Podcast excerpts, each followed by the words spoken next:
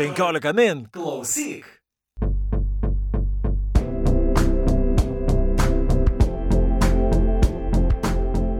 Sveiki, gyvi 15 min skaitytojai ir klausytojai ir su jumis sveikinasi tinklalaidė perskaitimai. Ir joje, kaip visuomet, esame mes dviese, aš Audrius Ožalas. Ir aš Juratė Čerškutė. Ir šiemet mes esame prie mikrofonų dviese, dažniausiai pasikviečiame į, į šią laidą kažkokį svečią, tačiau šiemet jau... Šiandien. Jau, ši, taip, šiandien jau tokia kaip ir tradicija tapo tai, kad uh, metų pabaigoje mes apžvelgime, kas įvyko per metus. Ir vis tiek turėtų būti kažkoks atskaitos taškas ir mes atskaitos tašku ir pasirinkame 15 min metų knygos rinkimus, nes jau penktus metus vyksta šitie rinkimai ir e, Čia yra paskelbti keturi sąrašai, keturi penkioliktukai, tai yra lietuvių autorių grožinės knygos, lietuvių autorių negrožinės knygos ir tas pats yra su verstinėmis knygomis. Ir e, šiuose rinkimuose su atrinko, komisija atrinko iš visų per metus išleistų knygų nuo praeitų metų lapkričio pirmosios dienos iki šių metų lapkričio pirmosios dienos E, knygas šiuose penkioliktukuose ir vėliau jau leidžiama balsuoti skaitytojams, kurie atrinks savo penketų ir iš jų, sudarytų, iš jų suskaičiavusių balsus bus atrinkti keturi penketukai ir iš vėliau e, komisija balsuos ir atrinks jau tuos galutinius nugalėtojus. Galbūt čia, na, tiesiog taip painiai papasakojau visą šitą schemą, tačiau akivaizdu tai, kad šiuo metu jūs vis dar iki kito antradienio galite balsuoti 15 min portale susiradę šituos rinkimus ir atiduoti savo balsus. Na, o šiandien mes su Juratė, remdamisi šiais 15-ukais, apžvelgsime visgi, kas įvyko per šiuos metus gero, kas įvyko blogo ir, ir apskritai kažkokias tendencijas galbūt galima išvelgti. Ir, na, ir Juratė iš karto ir norėjau klausti, nes praeitais metais, kalbant apie šiuos sąrašus ir mes turbūt pradėsime nuo lietuvių autorių grožinės literatūros. E, tu minėjai, kad e, na, konstatavai, kad iš tikrųjų yra tokia kaip ir romanų krizė pas mus Lietuvoje. Na, tuo metu buvo Andinės Radzevičiūtės knyga išėjusi, e, tačiau dabar irgi beje išėjo, bet tačiau biškai vėl, per, per nelik vėlai, kad pakliūtų į mūsų penkioliktukus. Ar tavo nuomonė situacija kažkiek pasikeitė ar nepasikeitė, kalbant ir apie šios penkioliktukus, ar galima išvelgti kažkokį prozos krizės kaip ir buvimą? grožinėje literatūroje lietuvių. Žinai, gal pradėsiu nuo toliau, kad apskritai visur yra krizė, arba kaip mano močiutė sakydavo, krizius iš visų pusių, kur pažiūri visose srityse. Šiaip uh, taikliai labai užsiminė apie Undinę Razevičiūtę Ir aš kažkaip važiuodama į mūsų šitą pasikalbėjimą, tokį metinį, kur tu matyt labai teisyklingai, sąmoningai pasakei tą šiemet, nes mes kalbam apie šiemetinės knygas, pagalvojau, kad šiaip norėčiau, kad Undinės Razevičiūtės minaretas ir septyni laimėtų, nes tai iš to, ką aš dabar skaičiau, yra didžiausia įspūdį palikusi knyga, bet apie ją mes kalbėsim lygiai po metų. E, tarsi krizės nebėra, nes žiūrėk, žiūrim mes į šituos 15 sąrašų, kuriuos atrinkom, jo, į 15 pozicijų lietuvių autorių, kurias atrinkom ir iš tikrųjų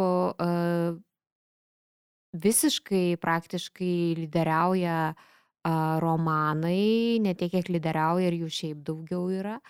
Ir man kas atrodo įdomu, kad per šitą laiką nuo praeitų metų lapkričio pradžios iki dabar uh, pradėjo rastis šiek tiek tos distopinės, e, ne distopinės, atsiprašau, žanrinės literatūros. Ir čia, kai mes visada apie lietuvių literatūros tendencijas kalbam, išskirdami tendenciją, tai neretai būna, kad tendencija yra 2-3 kūriniai, tai čia tų žanrinių, tai neįsivaizduokit, kad visos 15 pozicijų yra žanriniai tekstai, bet pasirodė ilgai uh, toks, sakykime, nežinau, visiškai sausroj buvęs žanras distopijos, tai atsirado Dainiaus Vanago debutinis romanas Oderis. Dovydas Pancerovas parašė m, tokį pusiau trilerį, pusiau detektyvinę istoriją a, Medžiojant tėvą. Sigitas Parulskis parašė avantūrinį romaną a, Laiko nusikaltimai. Tai aš manau, kad a, tų tokių žanrinių yra, aišku, Kristina Sabaliauskaitė su Petro imperatorės antraja dalim, kas yra a, akivaizdžiai ir griežtai istorinis romanas.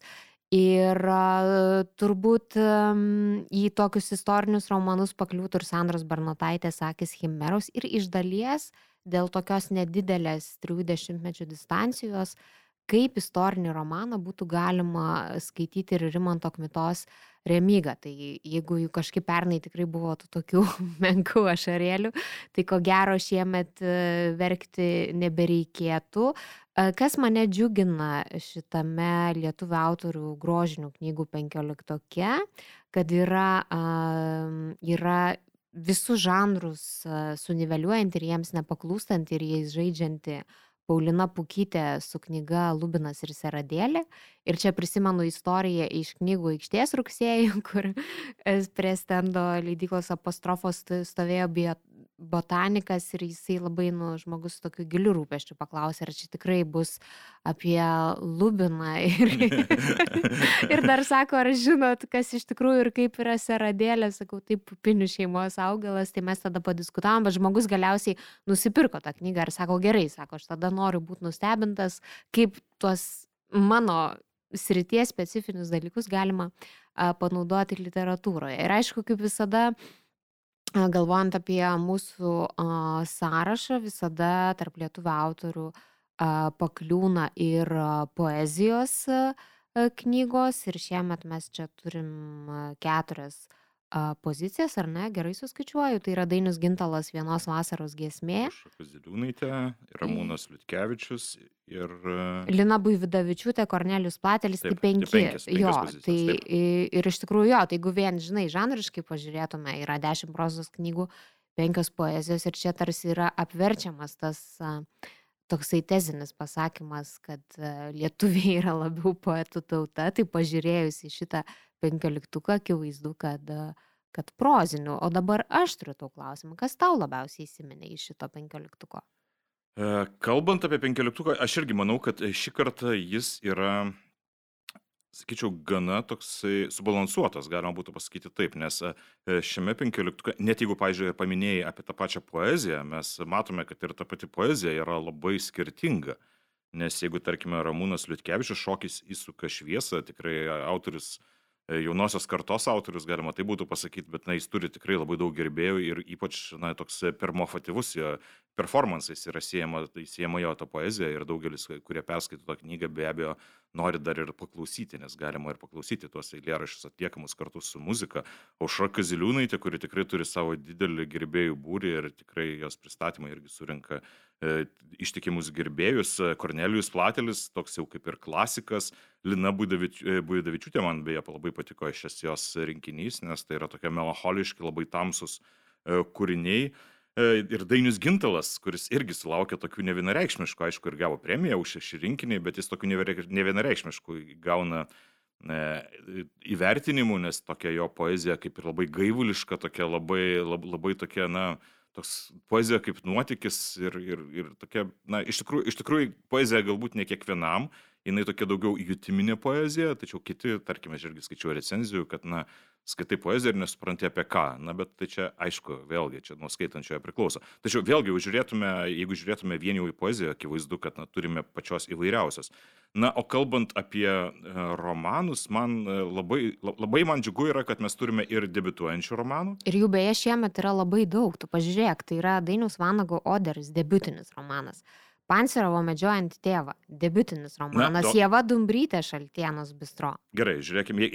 Pancerovas kažkiek iškrenta iš šito konteksto. Nes Neiškrenta, nes jeigu mes kalbam grinai apie romanus, bet, tai ne. Bet, bet jeigu mes kalbėtume apskritai kaip autorius, tai jis yra patyręs taip, autorius, tas, jau, taip. jau, jau kilinta jo knyga, jisai žino, kaip rašyti tas knygas, tiesiog jis išbandė save kitame žanre. Tačiau Jėva Dumbrytė iš viso visiškai naujas vardas iš Nyro, iš niekur. Ir bent jau man ši knyga tikrai buvo toks labai malonus netikėtumas ir tikrai su malonumu ją skaičiau, nes tai yra groteskiškas groteskiška ir e, kas yra tikrai retas dalykas lietuvių literatūroje, labai juokinga knyga, kur, na, skaitai ir tiesiog balsu juokiesi. Ir knyga, kuri paliečia tokias, na, socialinės įvairiausias problemas, darbo problemas. Ir na, kalb, man, man atrodo tikrai labai įdomus balsas ir aš labai tikiuosi, kad mes iš, išgirsime iš jos daugiau.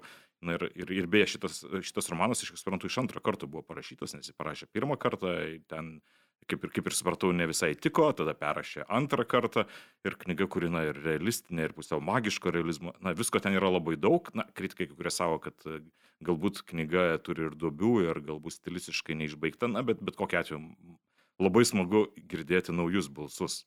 Ir beje, sulaukė visai nemažai vertinimų, jau dabar galima pasakyti.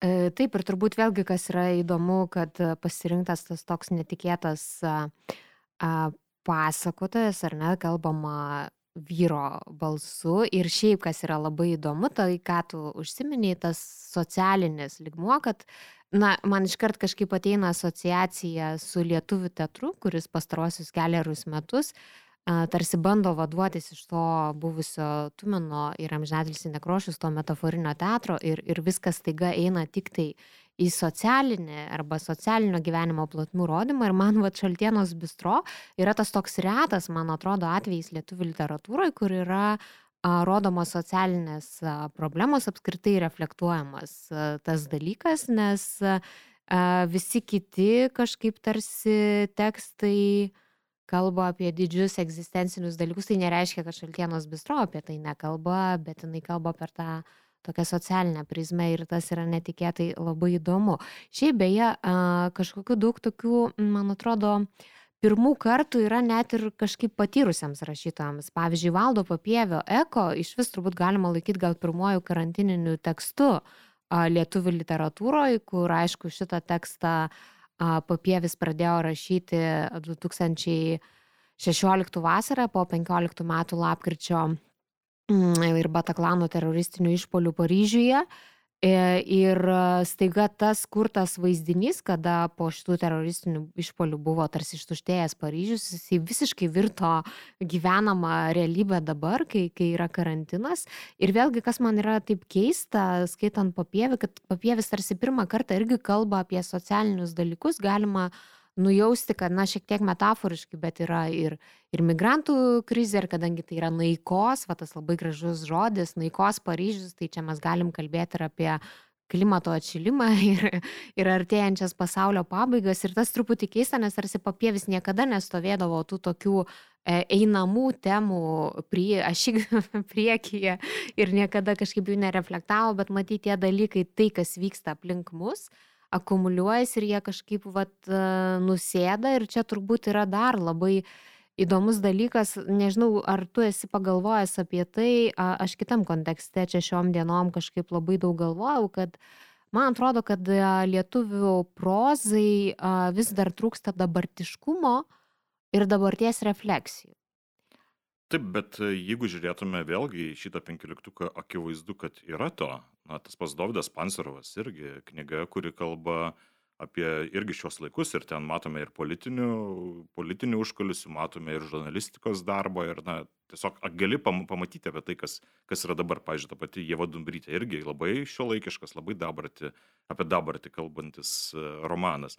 Na, kalbant apie papievį, aš visiškai su tavim sutinku ir papievis niekada nebuvo toks labai sužetiškas, ar ne, rašytojas, kur ten tiesiog ryji puslapį po puslapį, tačiau čia jis atrodo, kad pranoko pats save, jis toks meditatyviausias romanas, ne, nežinau kaip tai apibūdinti šitą žanrą iš tikrųjų, bet tiesiog uh, hipnotinė tokia būsena, įrimo, apokaliptinių vaizdinių, uh, atrodo, kad dinkstantis miestas, dinkstantis pasaulis toks, kokį tu pažinojai ir iš tikrųjų toks labai karantininis pojūtis. Nu, toks apleisties, jis pagavo tą kažkokią apleisties būseną, kada ir tu pats jautiesi griūvantis ir tada aplinka aplinkui tave griūna, aišku, atsiranda meilės motyvas, bet, a, nu, čia tiesiog puikiai patys suprantam, ar ne, kad nebūtinai visada meilė gali išgelbėti ir žmogų, ir, ir pasaulį. Ir, ir beje, tu paminėjai, kad čia yra kaip ir pirmasis kūrinys apie pandemiją lietuvių autorių parašytas ir irgi čia toks nukrypimas, nes Rolandas Rastauskas išleido savo irgi pirmąjį prozos kūrinį, kuris irgi nepatenka į šį penkioliktuką, nes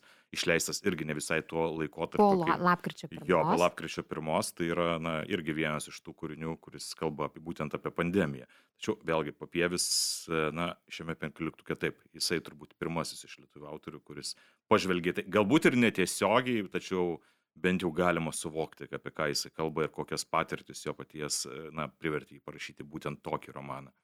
Ir turbūt Parulskio laiko nusikaltimai iš dalies irgi galėtų būti vadinamas pandeminis romanas, nes tai yra um, tekstas, kurį Parulskis pradėjo rašyti uh, prieš gerus 20 metų uh, interneto portalui uh, iš pradžių tai buvo Omnelta, po to buvo Balsas LT. Uh, Ir jisai per 20 metus grįžo prie šito teksto. Ir man tai šiaip yra vienas smagiausių Parulskio romanų. Aišku, tas e, sižetiškumas toks truputį jokingas, nes yra, kaip manęs kažkas klausė, apie ką tas romanas, tai aš taip jokai sakiau, šaudo gaudo ir trys deimantai ir dar šiek tiek begalvystės, bet iš tikrųjų Parulskis labai pagavo ir tą dabarčiai labai būdingą seriališkumo turbūt įtaka, tas tokius yra tokie trumpi skireliai ir tas fragmentavimas, jisai toks yra labai skaidrus, labai aiškus ir jisai kūrė tą tokį skaitimo pagavumą, kas tikrai yra, yra toks, na, tikrai smagus skaitimas, ten negali kankinti skaitant tą knygą ir aišku, ta laiko nusikaltimų metafora irgi tokia labai įdabartina viską. Ir bent jau man buvo įdomu skaitant e, šį romaną ir tai, kaip jisai, na, žaidžia intertekstais ir žaidžia įvairiausiais simboliais. Na, visų pirma, pradėkime nuo to, kad tai yra labai ironiškas romanas, labai galima atpažinti na, tai, kaip jisai galbūt juokiasi iš tų daugybės detektyvinių romanų siužetų, kaip, kaip jis Net pašy- klišių. Jo, jis, jis tas klišės apžaidžia, na ir skaitydamas, na, tiesiog supranti, kad, na, visa, visa tai yra ironija ir sarkazmas. Bet kita vertus labai įdomu matyti ir tai, kaip jis žaidžia tais mūsų simboliais, tais mūsų, tais pačiais automobilių markėmis, kuris, na, ypač tuo laiku gyvenę žmonės žino, ką tai reiškia, arba tam tikrais įvietinimais. Na, žodžiu, Ir lietuviškumo vienu svarbiausių simbolių, kaip po Gedimino pilimi. Taip, Čia taip, taip. nesuspoilinsim. taip, bet, na, žodžiu, aš nežinau, ar tikrai jisai po kažkiek, tarkime, 15 ar 20 metų, kalbant apie Parulskio kūrybą, jisai bus vertinamas kaip vienas iš tų esminių jo romanų, greičiausiai ne. e, Visgi, bet, e, nes greičiau bus priimtas, na, kaip tam tikras Parulskio žaidimas, bet, e, bet, bet skaityti, na, įdomu. Nu, tarkim, jisai, taip. žinai, turbūt stotų, kadangi yra toks irgi žanrinis tas, ar ne, net į antraštę keltas avantūrinis romanas, tai turbūt ko gero būtų šalia vėjas mano akis, kurį Parulskis rašė kaip detektyvą. Ir, na, ta tokia, va, žanriniai Sigito Parulskio romanai. Tai Na na ir beje, kalbant apie pandemiją, dar turbūt e, Dainiaus Vanago Oderis turbūt irgi galbūt tam tikrą prasme irgi gali būti skaitomas kažkiek kitaip šios pandemijos kontekste, nes, na, kai pradėjo Dainius rašyti šį romaną, dar nebuvo pandemija prasidėjusi, tačiau dabar, kai Oderis išėjo ir kai skaitai tą knygą, gali matyti ją kažkiek kitokiu žvilgsniu, nes apie tuos socialinius konstruktus ir apie besikeičiančią čia tikrovę ir apie tai, kaip, na, kas yra visuomenė, kas yra darbas visuomenės gerovė ir visa kita, na, matai, kad tos idėjos dabar skaitomos visai kitaip. Na ir čia turbūt vėlgi vienas iš tų atvejų, kai autorius rašo vieną, po to romanas pradeda kalbėti galbūt visai ką kitą skaitančiajam. Na bet e, aš norėjau dar kitą pusę kažkiek e, pakreipti šitą pokalbį, e, nes e, kalbėdami praeitais metais mes e, kalbėjome apie tai, kad atsirado tam tikros temos, kurios yra vyraujančios, tarkime. Ir mes kalbėdami apie 19 metus ir, ir ne tik temos, bet ir žanrai, bet kalbėjom, kalbėdami apie 19 metus sakėme, kad na, apsakymai kažkiek išpopuliarėjo. Praeitais metais mes sakėme, štai visose, visose galbūt netgi ir grožiniai, ir negrožiniai literatūroje atsirado 90-ųjų banga. E, Šiais metais tos 90-ųjų bangos kaip ir nelabai liko, na, Rimantas Kmita. Rimantas Rimantas Kmita. Kmita su Remyga, tai be abejo. Tačiau e, aš ką žiūrėdamas į šitas ir grožinės, ir negrožinės knygas matau kažkokią kitą galbūt tendenciją kalbėti apie tarpukario Lietuvą. Tai čia grinai, čia yra tikrai, tikrai ryški tendencija lietuvių autorių negrožinių knygų Bet, bet 15. šitoje vietoje yra ir grožinių, nes e, Sandros Bernutaitis, Akis taip. Kimeros, irgi būtent labai, labai gražiai susišaukė su negrožinių knygų sąraše esančia Norberto Černiausko knyga. Tai čia jį irgi kalba apie tą smetoninę Lietuvą ir kalba apie konkrečiai vieną dieną, kai iš Lenkijos į Lietuvą atvyksta delegacija ir jie plaukia laivu. Ir, na, tame romane Sandra aprašo būtent apie tai, kas, kas, kas vyksta ne tik tai Denėje, bet ir kas vyksta tuo metu Lietuvoje, kalba apie tos artėjančio karo galbūt nuojautas. Na, tai, tai irgi romanas, kuris e, kaip ir skrodžia įvairiausiais ligmenimis e, to buvusio gyvenimo ir, ir leidžia mums pažiūrėti į tarpukario Lietuvą. Ir, na, ir toks dar vienas atsiskleidžiantis aspektas ten yra ir tas ir Salomėjos Neries be abejo personažas, kuri irgi keliauja tuo laivu ir na, jis e, galų gale, tiesą sakant, man netgi kažkiek užgožė tą kitą veiksmą ir tapo, na, ne visą laiką atrodė toks labai smarkiai motivuotas, ir, ir bent jau ir romano pabaigoje pasirodė, kad galbūt, na, bent jau kažkaip gal kažko kito tikėjausi iš romano, tačiau be abejo čia pačios autorės buvo sprendimas.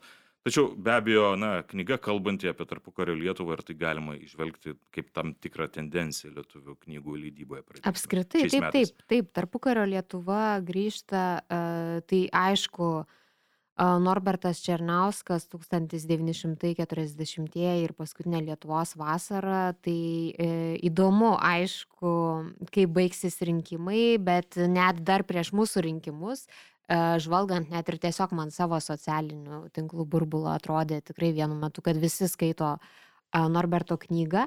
Ir tas tarpukaris yra ne tik Norberto knyga, kur aišku yra jos tas laimėjimas, tas toks pagavus rašymas, kur autorius neužverčia mokslinė terminyje ir tais tokiais sunkiais konstruktais ir tiesiog rodo tuos pusę metų paskutinius laisvos Lietuvos, dėliodamas pagal kalendorių, tai yra 15 mm, laisvos Lietuvos dienų ir, ir tas toksai struktūrinis ėjimas tikrai yra šitos knygos, manau, viena, vienas iš sėkmės raktų, bet žiūrėk, yra Jolita Bernotenė, Ingrida Jokubavičianė, ponios Metonienės virtuvė, kur irgi reikia turėti minti, kad yra labai uh, geras konstruktas, kad, na, iš pavadinimo atrodo, kad tai bus tik receptai. Žinoma, ten receptų yra, bet jų tikrai, tikrai yra ne, ne, ne, tam, ne per daugiausiai. Bet čia man netgi įdomiau buvo, ne, nežinau kaip tau, bent jau man, pavyzdžiui, tikrai buvo įdomiau ne receptai, o būtent skaityti, pavyzdžiui, apie Kauno restoranus tarpu kariu, ar ne, tarkime, kaip jinai aprašo ir patiekia meniu tų pačių restoranų ir supranti,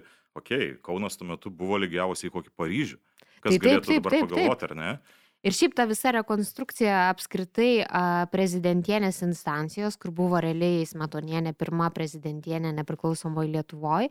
Ir tai ne tik apie virtuvę, ir apie madas, apskritai apie, nu, sakykime, to meto gyvenimo rekonstrukciją.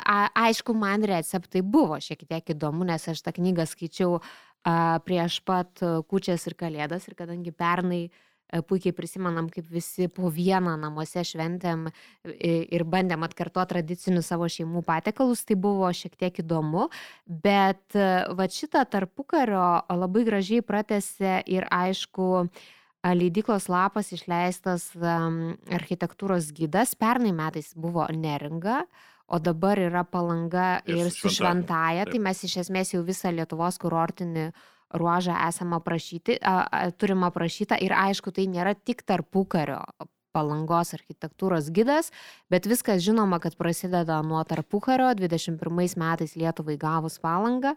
Ir, ir man kažkaip, va, iš tikrųjų, tas didžiausias įspūdis iš palangos architektūros gido kažkaip ir liko apie tarpukarį, bet gal dėl to, kad jau esu kažkur tą ir minėjusi, kad uh, tas vasarojimo dalykas labai sutapo su per karantiną skaitytais išleista Vaižganto šeimos korespondencija su klimais ir kur Vaižgantas irgi nuolat raportuoja naujienas iš palangos ir kad, žodžiu, palanga buvo toks kaip mini Kauno centriukas vasaros metu.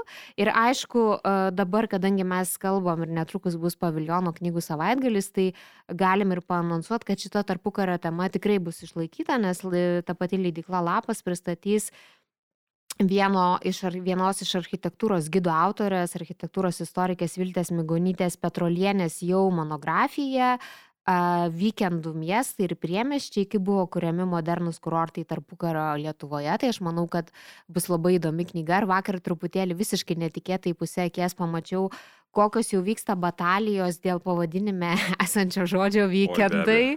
Ir kad daugmaž ar knyga parašyta lietuviškai taip toliau ir panašiai. Bet aš manau, kad mes tikrai apie šitą knygą e, kitais metais kalbėsime. Ir kažkaip aš jau dabar taip gal, aišku, ir per drąsu, bet iš anksto tikiuosi, kad jį kitą metą bus penkioliktukė. E, na ir be abejo, šiaip, šiaip apskritai man praeitais metais jau kalbė, kalbant apie tas negrožinės knygas, sakiau, kad neringos gidas man buvo vienas iš tokių reikšmingiausių ir svarbiausių lydinių negrožinėje literatūroje, nes, na, atrodo, neringa tai yra ta nida vietos, kuris, na, žino kaip ir visi, tačiau apie jos architektūrą ne, nebuvo kalbama, iš vis neturėjome jokių studijų. Kai atrodė, kad čia jau turėtų būti, na, jau kokia penktoji ir šeštoji studija nagrinėjant apie tai, kaip, kaip, kaip buvo klos, kaip klostėsi jos architektūra, štai dabar mes tik pirmą kartą apie tai kalbame. Na ir apie tą pačią juotkrantę irgi ta knyga buvo išleista vos prieš keletą metų, pirmą kartą apie juotkrantės istoriją. Na, toks jausmas, kad mes savo tuos kurortus atrandame tik dabar.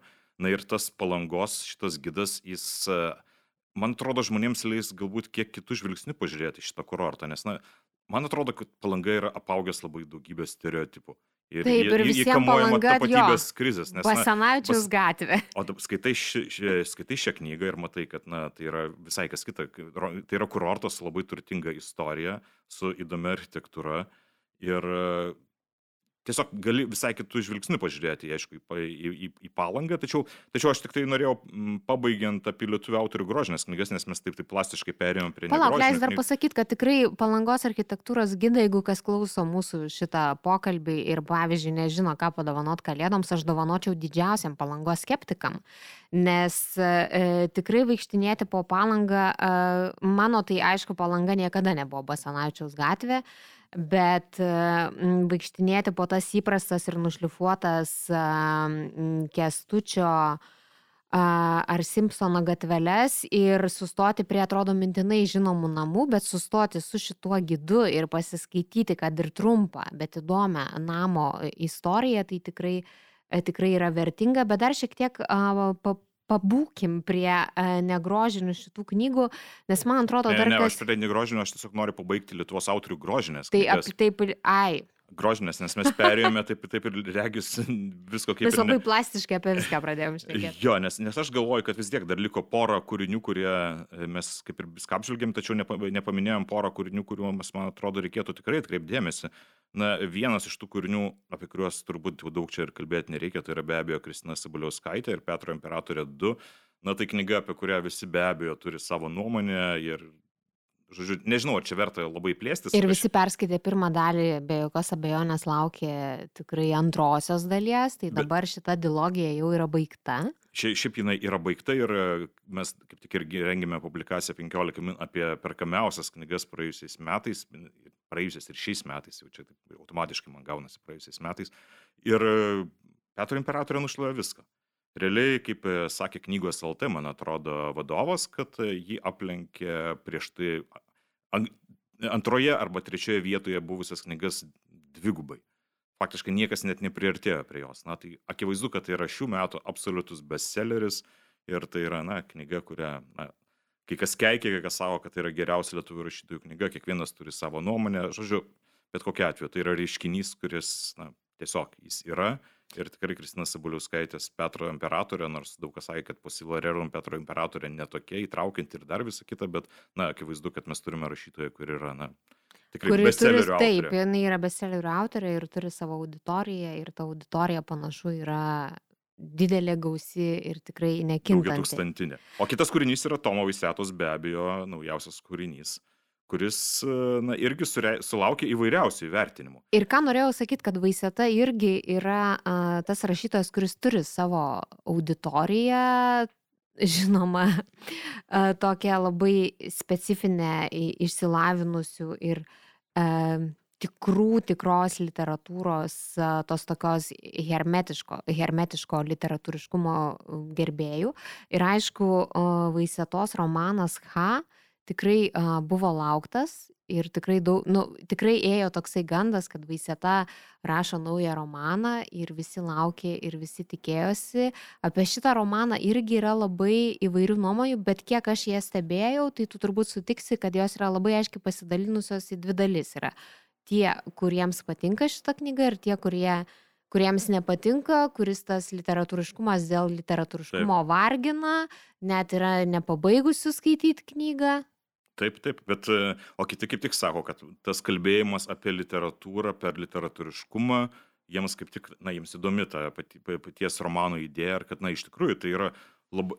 Aš, aš sutinku, kad skaityti šią knygą yra, na, Ja, keistas nėra potyris. lengva. Keistas nėra potyris, lengva. nes jinai yra klampi, sodri ir skaitydamas, na, pagauni save tokioje pusiau halucinuojančio būseno iš tikrųjų, kad, na, kas kalba, kodėl kalba, kas čia per monologas, ką jis nori pasakyti.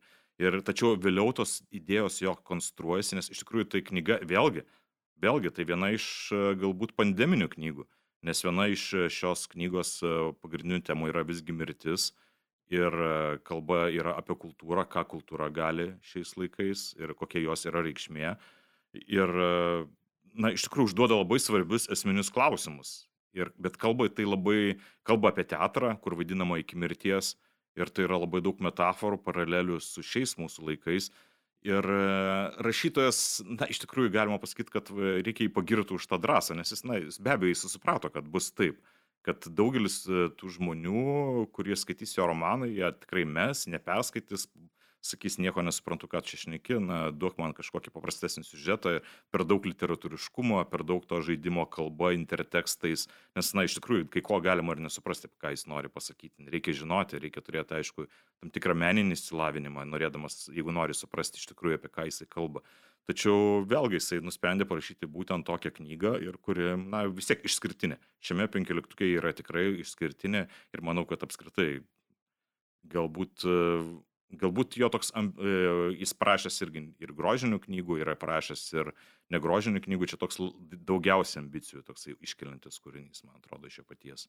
Ir toks duodantis poilsio nuo kasdienybės aktualijų, taip, nu, mirtis yra tarsi visada su mumis ir tai yra amž, amžinas reikalas, kurį mes tam tikrą prasme sprendžiam kiekvieną dieną. Ir man atrodo, viena iš anotacijų buvo tai, kad apie ką daugiau rašyti, kai paskui jau pradėjau rašyti apie mirtį, kas, kas toliau. Tai vad labai lauksim, kas toliau, bet iš tikrųjų tai uh, mane visada džiugina lietuvių prozos tekstai, kurie yra tokie literatūriški ir nors užsiminėm, kad galbūt stinga to sociališkumo, bet kita vertus, žiūrint dabarties kontekstus, nežinau, tu turbūt irgi žiūrėjai, ar ne, ką skelbia New York Timesas ir dabar jau prasideda tie skelbimai, ar ne, metų knygų, tai aš tiesiog suvokiu, kad visokiose dešimtukuose yra tai, kas yra apie dabartį, E, karantinas, Amerikos politiniai įvykiai, visi šitie dalykai.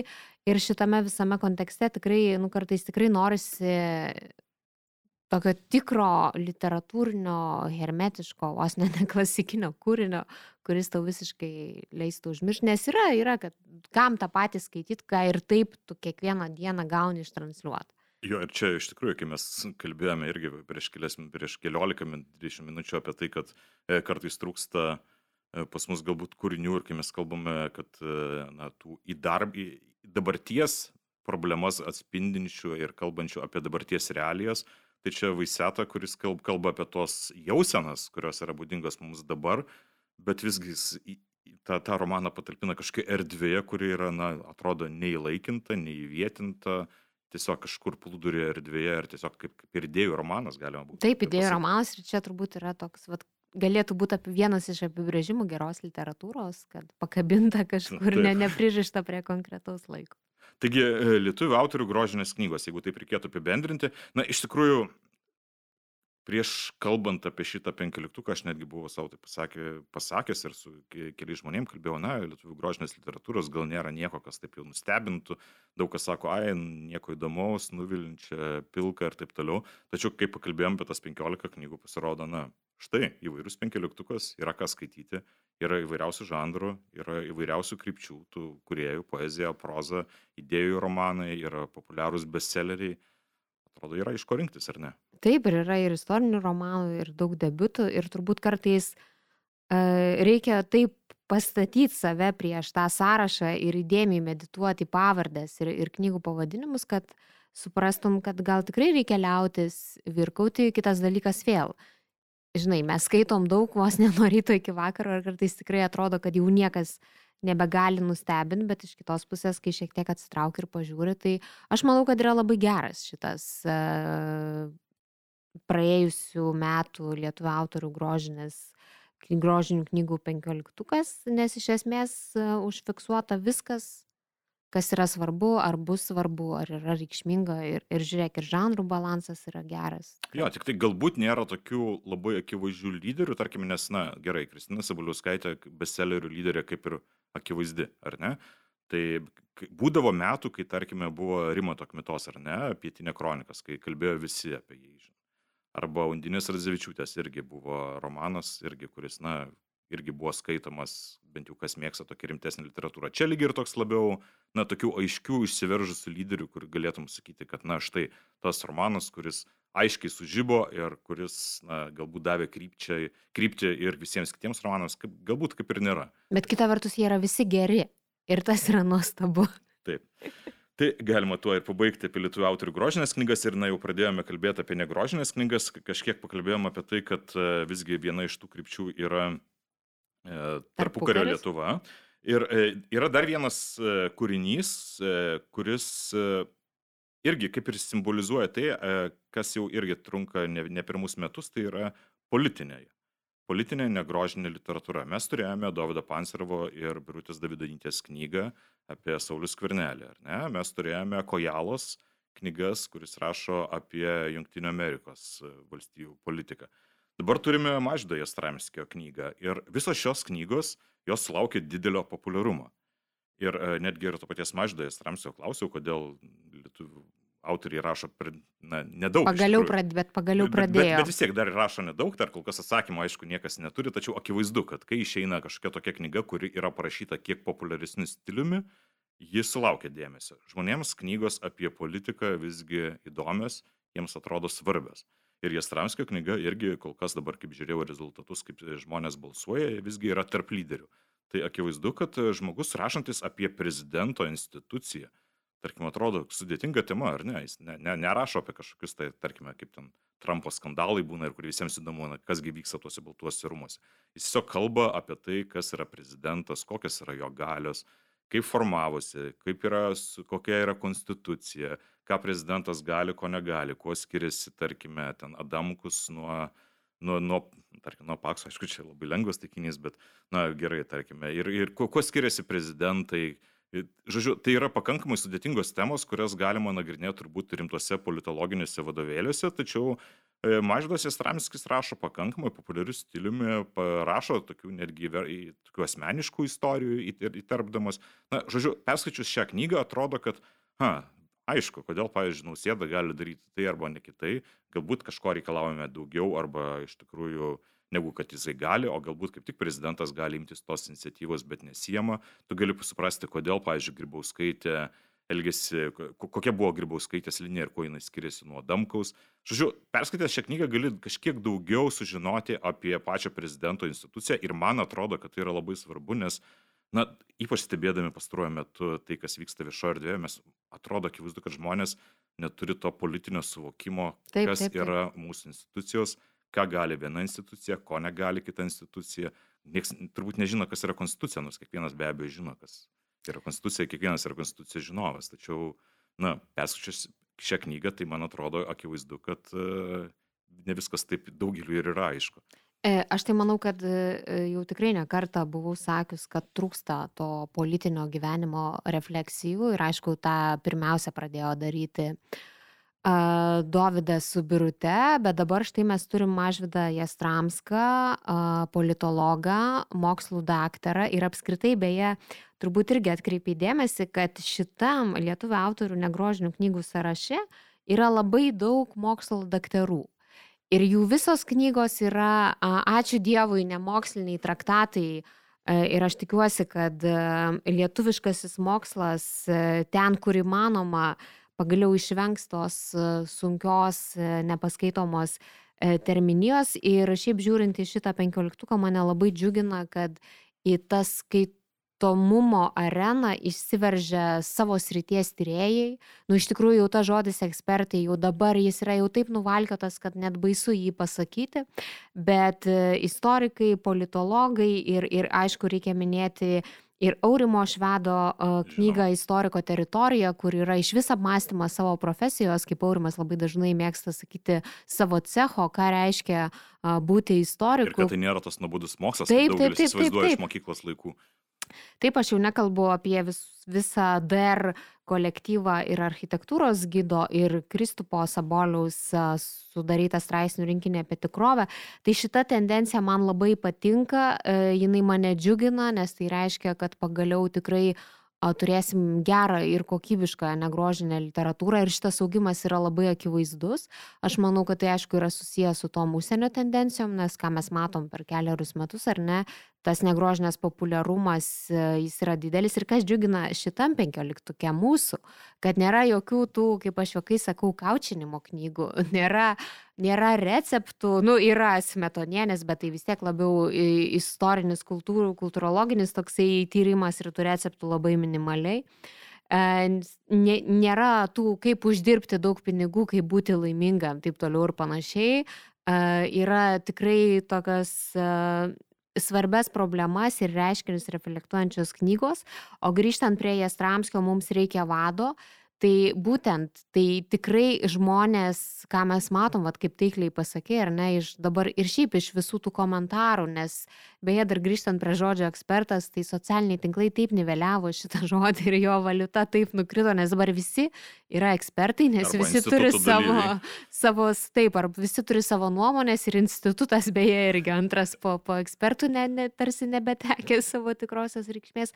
Taip, žmonėms reikia kalbėti ir Lietuvos turbūt kaip ir didžiosios rytų Europos, nors mes tarsi dabar jau save priskaitom prie Šiaurės Europos ir Skandinavų, e, bet šitų posovietinių šalių ir yra ta bėda, kad tikrai stinga, nu nesakau tik tikrai, kad visiems, bet tikrai labai dar daug žmonių nesuvokia, kas yra politika, kaip jinai veikia, būtent kaip sakai, kaip kokia institucija, kokias galės turi, kaip tarpusavį e, sąveikauja, tai kad atsirado šita knyga ir kad jinai yra parašyta suprantamai, aiškiai, išaiškinant dalykus, remiantis pavyzdžiais ir parodant, tai man irgi yra toks tyliai trinu rankelės, tikrai toks geras laimėjimas viso, nu, ne tik mūsų literatūros lauko, čia apskritai jau kultūros, politinės kultūros ir politikos turbūt laimėjimas. e, Tikrai, tikrai. Ir aš tikrai labai džiaugiuosi, kad va, šita knyga yra, kaip tu sakai, tarp lyderių. Taip ir e, aš dar irgi norėjau irgi pridurti prie šito, kad Černiauskas be abejo irgi, kai, jeigu tu kalbi, kalbi apie tai, kaip galima populiariai ir suprantamai parašyti, tas jo prieimas prie temos paskutinė Lietuvos vasara irgi yra labai įdomus. Ir beje, pradėjus skaityti, aš galvoju, kažką man tai primena ir galvoju, Iljasas, nes Taip, taip. Iljasas. Jis Ir po žiūriu, ir po to žiūriu, ir po to žiūriu, taip, iš tikrųjų rašo, kad jam Iljasas irgi iš tikrųjų buvo vienas iš tų pagrindinių kvepėjų. Tai yra rašyti apie istoriją atsižvelgiant į kasdienius dalykus. Ir bandyti suprasti ne tik, ką darė, tarkime, tar smetona, tarkime, ar kažkas. Jo, kas vyko valdžios kabinetuose. Bet, bet kaip gyveno žmonės, ką jie skaitė, tarkime, kaip jie atostogavo, ką, jie jautė, galų galę ta- tie patys jau pirmieji epizodai, kuris aprašo tą baisį šaltą žiemą.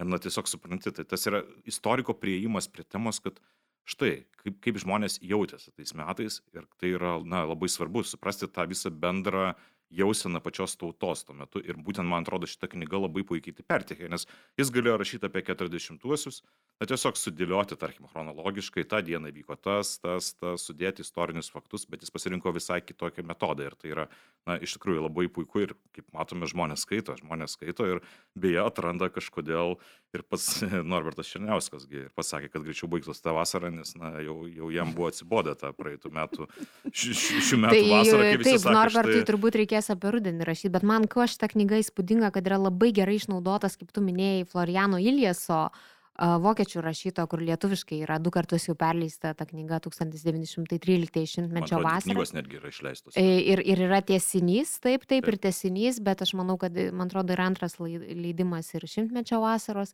Tai, bet tiesiog parodo, kaip kūrybiškai galima išnaudoti. Tai nėra visiškai copy-pastas vienas prie vieno, absoliučiai ne. Taip. Bet tiesiog tas pagautas toksai pasakojimo būdas ir metodas, tai...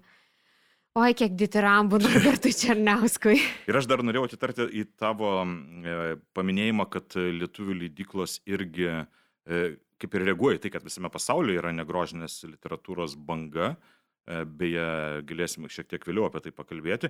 Tačiau aš norėjau dar priminti, kad na, iš tikrųjų labai didelis indėlis yra labai konkrečių leidyklų. Taip, Ir tai yra, turbūt reikėtų paminėti, tai yra dvi leidyklas, tai yra Auksų žuvis ir Lapas. taip. Ir jeigu mes kituose, aš irgi dabar čia turiu prieš save statistiką, jeigu, pavyzdžiui, kituose topuose, kituose penkioliktukuose yra, na, toks tolygesnis pasiskirstimas, tai čia yra negrožinių lietuvių autorių knygų, yra keturios auksų žuvų ir keturios yra lapo. Tai yra aštuonios knygos iš penkiolikos išleistos šių dviejų mažų leidyklų. Tačiau jos turi labai aiškę kryptį. Taip, taip, Jos taip. turi labai dedikuotą turbūt irgi ir, ir, ir, ir, ir kolektyvo be abejo, ir skaitytojus, kurie domisi viskuo. Pavyzdžiui, aš man atrodo, kad lapas jau susidarė tokį, na, kaip ir įvaizdį, tiesiog turi tokį ištikimą gerbėjų būrį, kurie tiesiog išeina naują lapo knygą, jie perka.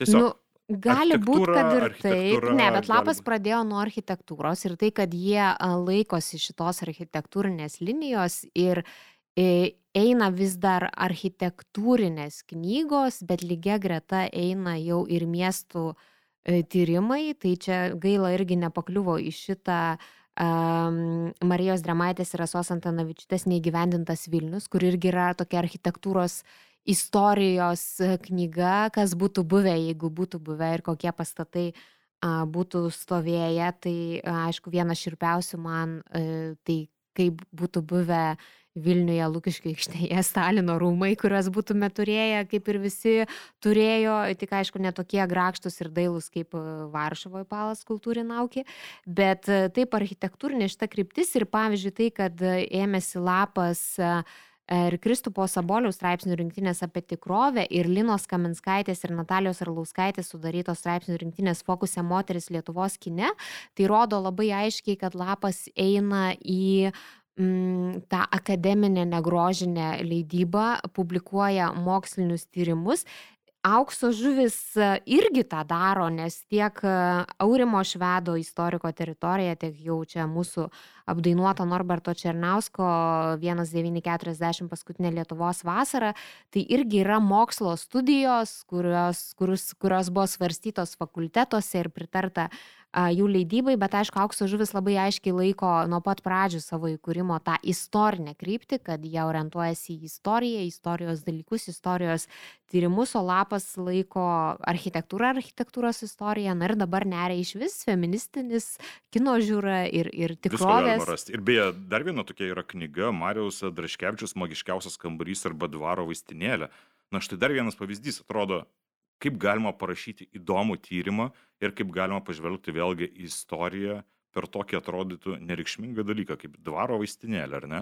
O skaitydamas ten matai įvairiausių dalykų. Ir galiausiai kaip galima gražiai mokslo studiją išleisti. Taip, monografija. Tikėtinai gražiai išleista, bet ir šiaip, na, ir matai, kad gali pažiūrėti, pagal tai, kas buvo dvaro vaistinėlėje, tu gali pradėti dėliotis ar apskritai vaizdą, kas vyko tame pačiame dvare, kaip buvo gydoma, kas buvo valgoma, kas buvo geriama, galų gale, kaip buvo išdėstyti kambariai ir tie patys dvarai. Ir na, tiesiog kaip galima iš mikro detalių padaryti makro vaizdą. Tai yra tai, vienas iš tokių taip. pavyzdžių. Ir man iš vis turbūt reikia paminėti tai, ką lapas veikia per visus šitos metus, tai yra edukuoja visuomenę apie architektūrą, nu tai banaliai sakant, ar ne, ir va tai, ką tu ką tik pasakėjai, va tas parodimas, kaip iš vieno kambario, čia iš esmės yra architektūros istorijos tyrimas, tai kaip iš vieno kambario mes galim rekonstruoti visą laikotarpį su madom, kažkokiam tradicijom, tai kas buvo įprasta ar neįprasta. Ir va šitas, kad pagaliau pradėjo pas mus rastis knygos, kurios liepia pažiūrėti į pastatus arba namus, kuriuose gyvenam ir kad tai nėra taip nesvarbu, iš esmės architektūra yra visų menų motina, taip sakė dar nuo antikos laikų. Ir jeigu mums, pažiūrėjau, nepatinkantį paveikslą mes galim nukabinti nuo sienos arba nepatinkančią knygą, tiesiog jos nebeskaityti, tai mes turbūt negalim nematyti negražaus namo, kuris mus nervina, ar ne? Na, čia kaip neprisiminsi tos garsios istorijos su dabar perdažytų namu, be abejo jeigu kažkas būtų skaitęs įdėmiau šitos gidus ir šitas knygas, tai tikrai neįvyktų tokių dalykų. Bet ten klausyk sakė, kad ten tik tai uždengta dabar kažkokia plėvė, kuris augo nuo pelėsių ir kad kitais metais viskas fasadas bus gerai. Tai žodžiu, tikim laikom čiūrikus, neprarandam vilties. Na, nu, grįžtant prie knygų, aš manau, kad jau čia pakankamai nemažai išsiplėtėm, tačiau man atrodo, kad reikia dar atkreipdėmėsi į tai, kad na, visuomet be abejo šitose penkioliktukuose yra uh, ir knygos, kurios yra skirtos ryškioms asmenybėms ir kurios be abejo visą laiką sutraukia, pritraukia skaitytojų dėmesį. Tai yra ir šį kartą mes turime bent keletą, tai yra Irmos Laužikaitės apie Nelį Paltininę, Donato Katkaus kartu su Rasa Murauskaitė, parašyta knyga Užrašai iš Rokantiškių. Na ir be abejo Vladimiro Tarasovo būgnininko dienoraščiai. Na tai vėlgi, kaip, kaip, kaip ir akivaizdu, kad šitie trys žmonės kurie, jeigu yra gerai parašyta knyga, e, ji atskleidžia ne tik tai būtent tą asmenybę, bet ir atskleidžia patį laikotarpį. Ta pačia, skaitant apie tą pačią Nerį Paltinę, labai įdomu buvo matyti, matyti apie tą blizgesnę, tarkime, sovietmečio pusę, apie tą blizgę estradą, apie tai, kas, kas ten vyko. Jeigu tu skaitai apie E, Vladimiro Tarasovo būgninko dienorašį, matai, na, visai kas kita, tai yra avangardinė scena, skaitai apie tą visą bohemą, skaitai apie tai, kas vyko Neringos e, restorane, lygiai tas pats su Donato Katkaus e, užrašai iš Rokantiškių. Jeigu skaitai tą knygą, tu matai ne tik tai Donato Katkaus gyvenimą, tačiau e, pusė knygos yra skirta kitiems portretams, ryškių asmenybių, kuriuos sutiko Donatas Katkus savo gyvenime portretai. Tai yra, na, tai yra tų asmenybių, bet kartu ir visos epochos veidrodis. Tai manau, dėl to žmonės ir renkasi šitas knygas ne vien tik dėl to, kad jie norėtų paskaityti, tarkime, apie Vladimirą Tarasovą ir ne vien dėl to, kad mėgsta džiazą, tarkime, bet jiems ir visai įdomu, kaip žmogus, tarkime, atvažiavęs iš Rusijos, prigijo Lietuvoje, ką jisai čia darė, kokį jis tą Vilnių pamatė ir beje, jam tuo metu skaitant akivaizdu, kad jam buvo vakarai, tai buvo kažkas neįtikėtino atvažiavus čia. Ir, ir, ir, ir tai tiesiog mūsų istorijos pažinimas, ne tik tai šitų asmenybių, bet ir mūsų istorijos pažinimas be abejo. Ir kita įdomi tendencija, kalbant apie pažinimą, e, ne tik mūsų istorijos, tai yra e, menotyros profesorės Gedrės Jankevičiūtės ir architektės, buvusios kultūros atašė Italijoje Julijos Reklaitės parengta knyga Devini pasivaikščiojimai po Romą. Nu, atrodytų tikrai jau tų visokių gidų apie Romą ir ką ir kaip veikti Romoje netrūksta, bet šita knyga yra ypatinga, jinai man tikrai uh, neslėpsiu to, kad patinka.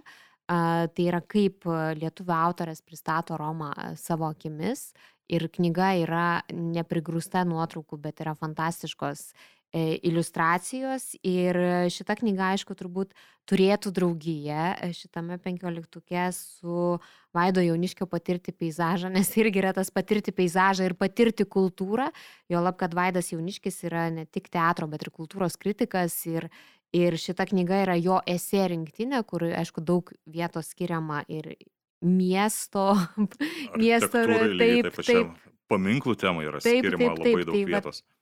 Iš tikrųjų, ir pažiūrėk, beje, yra labai įdomus dalykas, ar ne, ką mes kartais e, prieš keliarius metus labai sprendėm tą klausimą, ar ne, kur e, esė dėti, e, tai yra grožinė ar negrožinė, tai jeigu tai yra Rolandas Rastauskas, Gedra Radvilovičiūtė ir Sigitas Parulskis, tai aišku, kad tai yra grožinė literatūra. Tai Vaidas Jauniškis yra prienė grožinės, nes tai yra ta tokia arčiausiai klasikinio e, esė apibrėžimo esantis e, tekstai, bet va štai kas įdomu, kad šitiek laiko lietuvių literatūra gyvenusi eseistikoje ir tam esėjimo bume, štai liko tik viena knyga ir tai net ne tos grožinės literatūros eseistikos, o tokių kritinių refleksinių tekstų. Na, įdomi tendencija, be abejo. Tačiau vėlgi, ir kaip turiu minėjai, kad Vaidas Jauniškis patirti peizažą man irgi šiame penkioliktuke labai ryškiai šviečia, nes bent jau mano nuomonė, tai vienas tokių e, ryškiausių balsų tyrinėjant e, tai, kas vyksta kultūrinėse procesuose Lietuvos. Ir jis užgriebė irgi labai platų temų spektrą, nes tai be abejo yra ir teatro kritika, tai yra kalbėjimas apie miestus ir apie buvimą miestuose, kalbėjimas apie mūsų kultūros politiką, apie mūsų baimės ir stereotipus. Tarkim, labai įdomus, įdomus jo yra palyginimai apie tą patį mūsų e, siekį kažkaip lyginti Lietuvą su Estija. Ir kodėl mes, mes visą laiką galvojame, mes geresni ar blogesni už estus, tarkim, irgi paima štai tokį aspektą. Kalba apie knygas tas pačias ir kalba apie Tokarčiuk, begūnus, labai įdomiai tą knygą. Žodžiu, kūrinys tikrai tikro erudito ir man atrodo tai yra knyga žmogui, kuris domisi įvairiausiais kultūriniais procesais, kultūriniais aspektais, tai Vaido Jauniškio patirti peizažą tai yra būtent labai geras ir pavadinimas patirti visą peizažą, kas vyksta ir šitą knygą tikrai geriau padės suprasti apie tai, kas vyksta mūsų kultūroje. Na, bet man atrodo, kad beveik ir viską kaip ir apkalbėjome, daugiau. Likome mažiau. kapitalizmo neaptarę. Ja, e, tai ir liko dar dvi knygos, tai yra Jonas Omanas Dumbazo džiazas, na tai čia knyga apie Ukrainą ir man atrodo, kad daugeliu tikrai vis tiek aktuali knyga iki šiol ir man atrodo yra labai svarbu, kad šitos knygos išeina, nes mes dažnai atrodo, kad jau užmiržome, kad vyksta tas karas Ukrainoje, nes vienu metu buvome labai įsitraukę ir Omano knyga na, paliudijo, kodėl vis dar reikia kalbėti apie tai. Ir dabar ypač ir labai dabar... reikia ir nepražiūrėti. Ir šita knyga dar įdomi tuo, kad tai ne tik tai pasakojimas apie Ukrainą ir tai, kas vyksta, tai yra ir jo asmeninė istorija. Jis pasakoja, kaip pats jaučiasi nuvažiavęs į tą patį frontą, kaip jis jaučiasi Lietuvoje, jo paties, na, daugybė visokiausių dalykų, tai susipina toksai, toks e, kūrinys, gana rupus beje, parašytas pakankamai tokia kalba, kuri yra na, rūpi, taip, taip rūpi ir gar kartais netgi gruboka, bet, na, taip ir turbūt ir kalbam apie tuos dalykus, na, nerašysi turbūt poetiškai apie tai, kaip veži ten, tarkim, paramą į Ukrainą, nes, na, susiduri su visai kita tikrovė.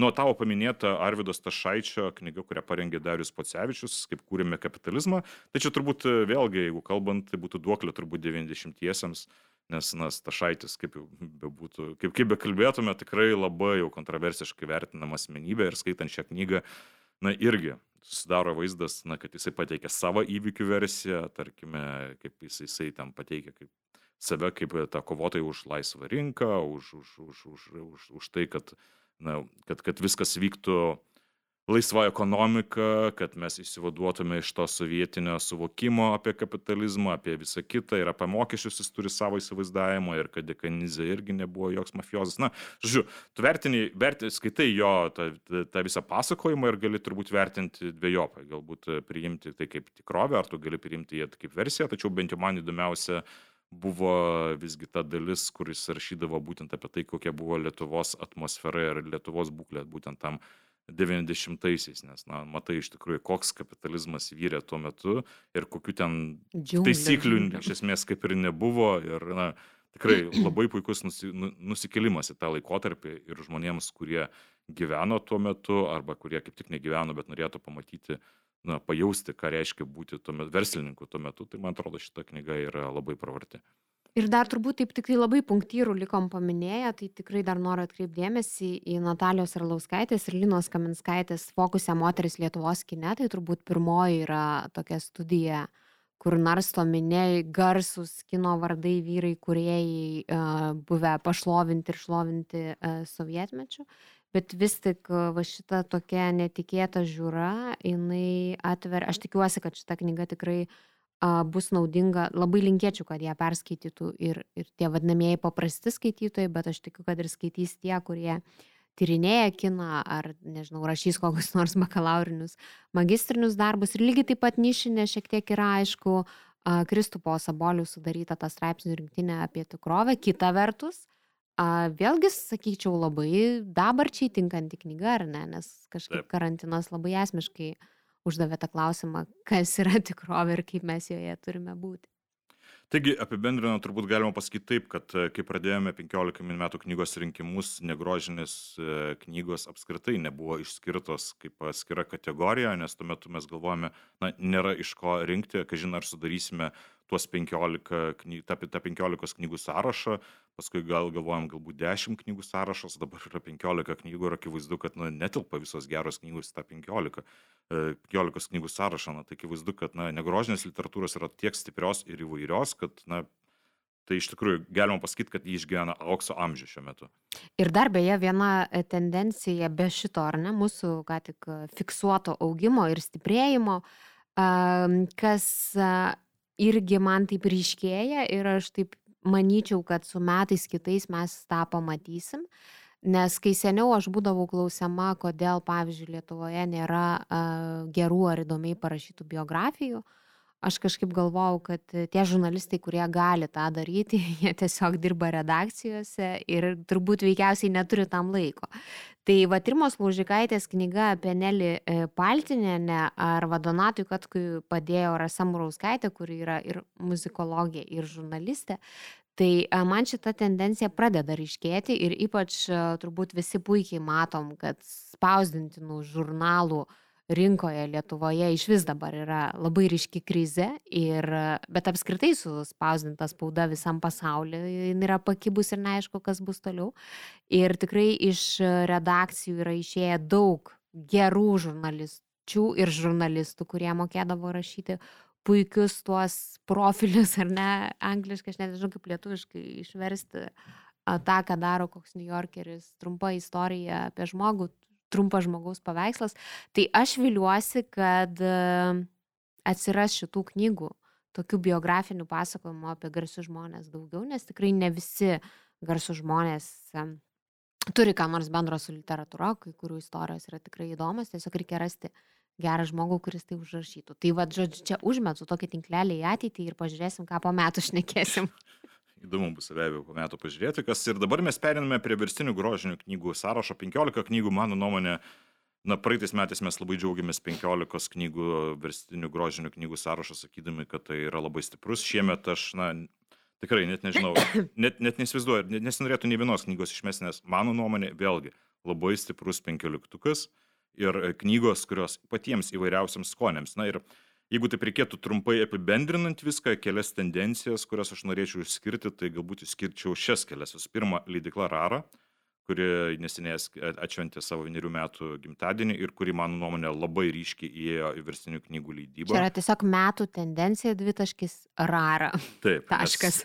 Iš tikrųjų, matome bent keletą knygų šiame sąraše ir pradėjo leisti Latino Amerikos rašytojų knygas ir pradėjo leisti taip, nes anksčiau būdavo toksai, na, gana, ganėtinai stichiškas tai dalykas, būdavo išleidžiama viena, knyga, kita knyga, tiesiog dabar pradėjo rarą leisti nuosekliai, labai aiškiai ir žinodamas e, lydėjęs kryptį ir leidžia ne tuos autorius, kurie yra, tarkime, kažkada buvo žinomi ir kurie, tarkime, tai yra grandai ir tikrai žinai, kad yra saugu išleisti juos, jis leidžia tai, apie ką kalbama yra dabar, tai yra pirmieji vertimai į lietuvių kalbą tų autorių, kalba jis leidžia tuos autorius, kuriuos galbūt pas, kitos leidyklos gal pasakytų, kad na, rizikinga leisti, bet jisai leidžia, nes tai yra įdomu ir tikrai yra labai puikios knygos. Tai yra pirmoji tendencija.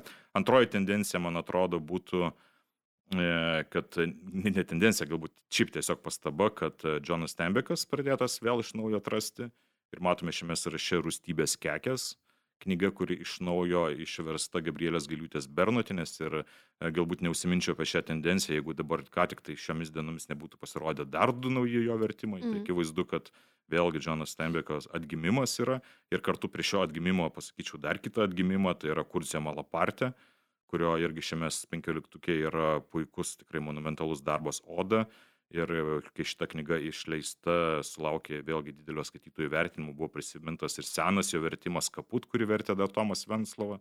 Taigi čia dar viena tendencija tokių senų klasikinių autorių atgimimas.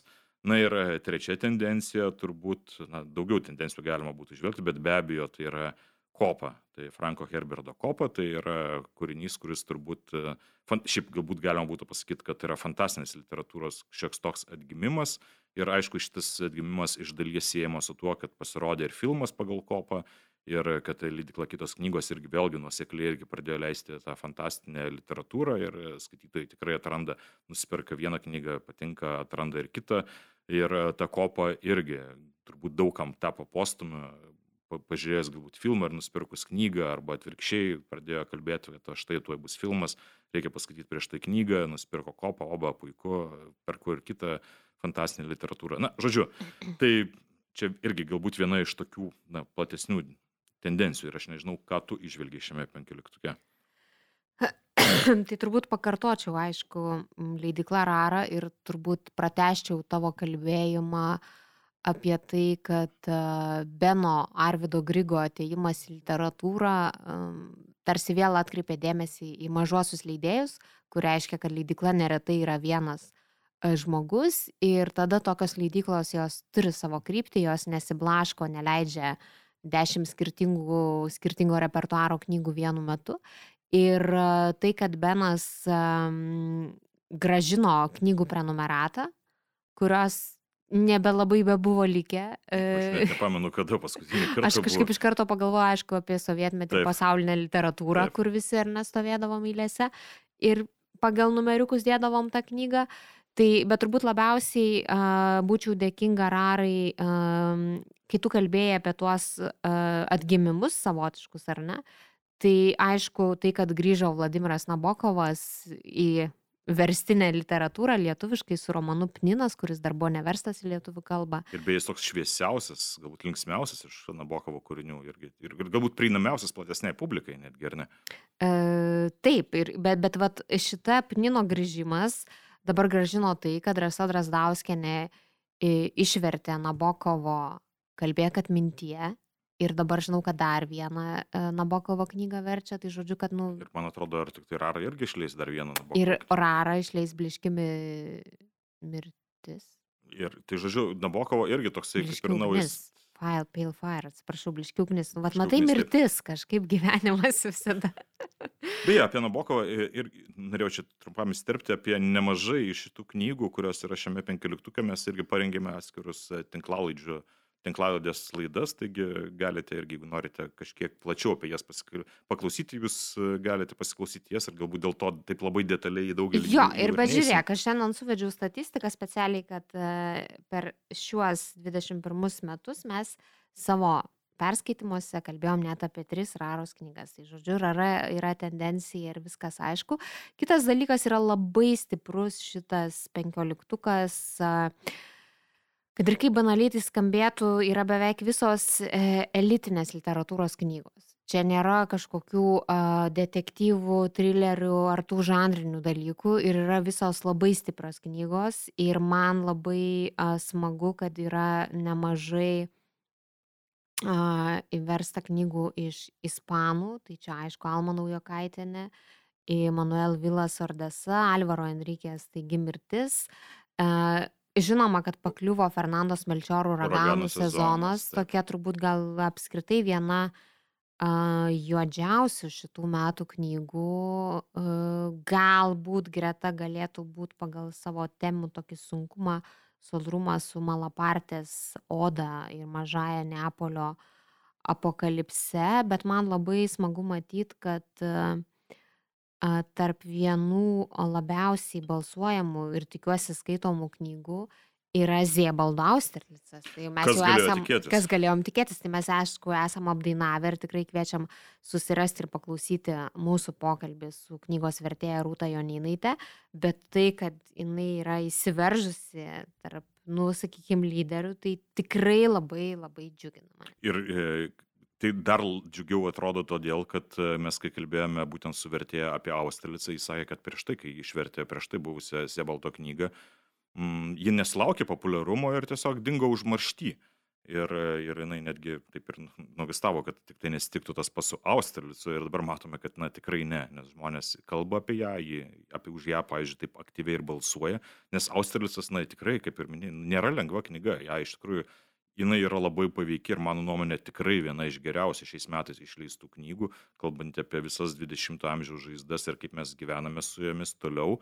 E, Bet, e, na, jos skaitimas vėlgi yra toksai, na, tam tikras iššūkis, mano nuomonė. Nors ir be abejo labai gražus, labai tikrai paveikus iššūkis. Aš tai linkėčiau kuo daugiau tų skaitimo iššūkių, nes e, kai bėgam per šitą besifragmentuojančią kasdienybę, tai kartais tikrai reikia tokių knygų, kurios suimtų ir atitrauktų, žinai, nuo skrolinimo. O šiaip beje, pažiūrėk į šitą sąrašą, vyrauja 20 ir 21 amžius, nes, pavyzdžiui, e, nu, iš vis gal net, e, tarkim, knygos, kurios šiek tiek anksčiau nei 20, tai čia aišku būtų Hilary Mantel su veidrodžiu ir šviesa paskutinėje savo trilogijos dalimi.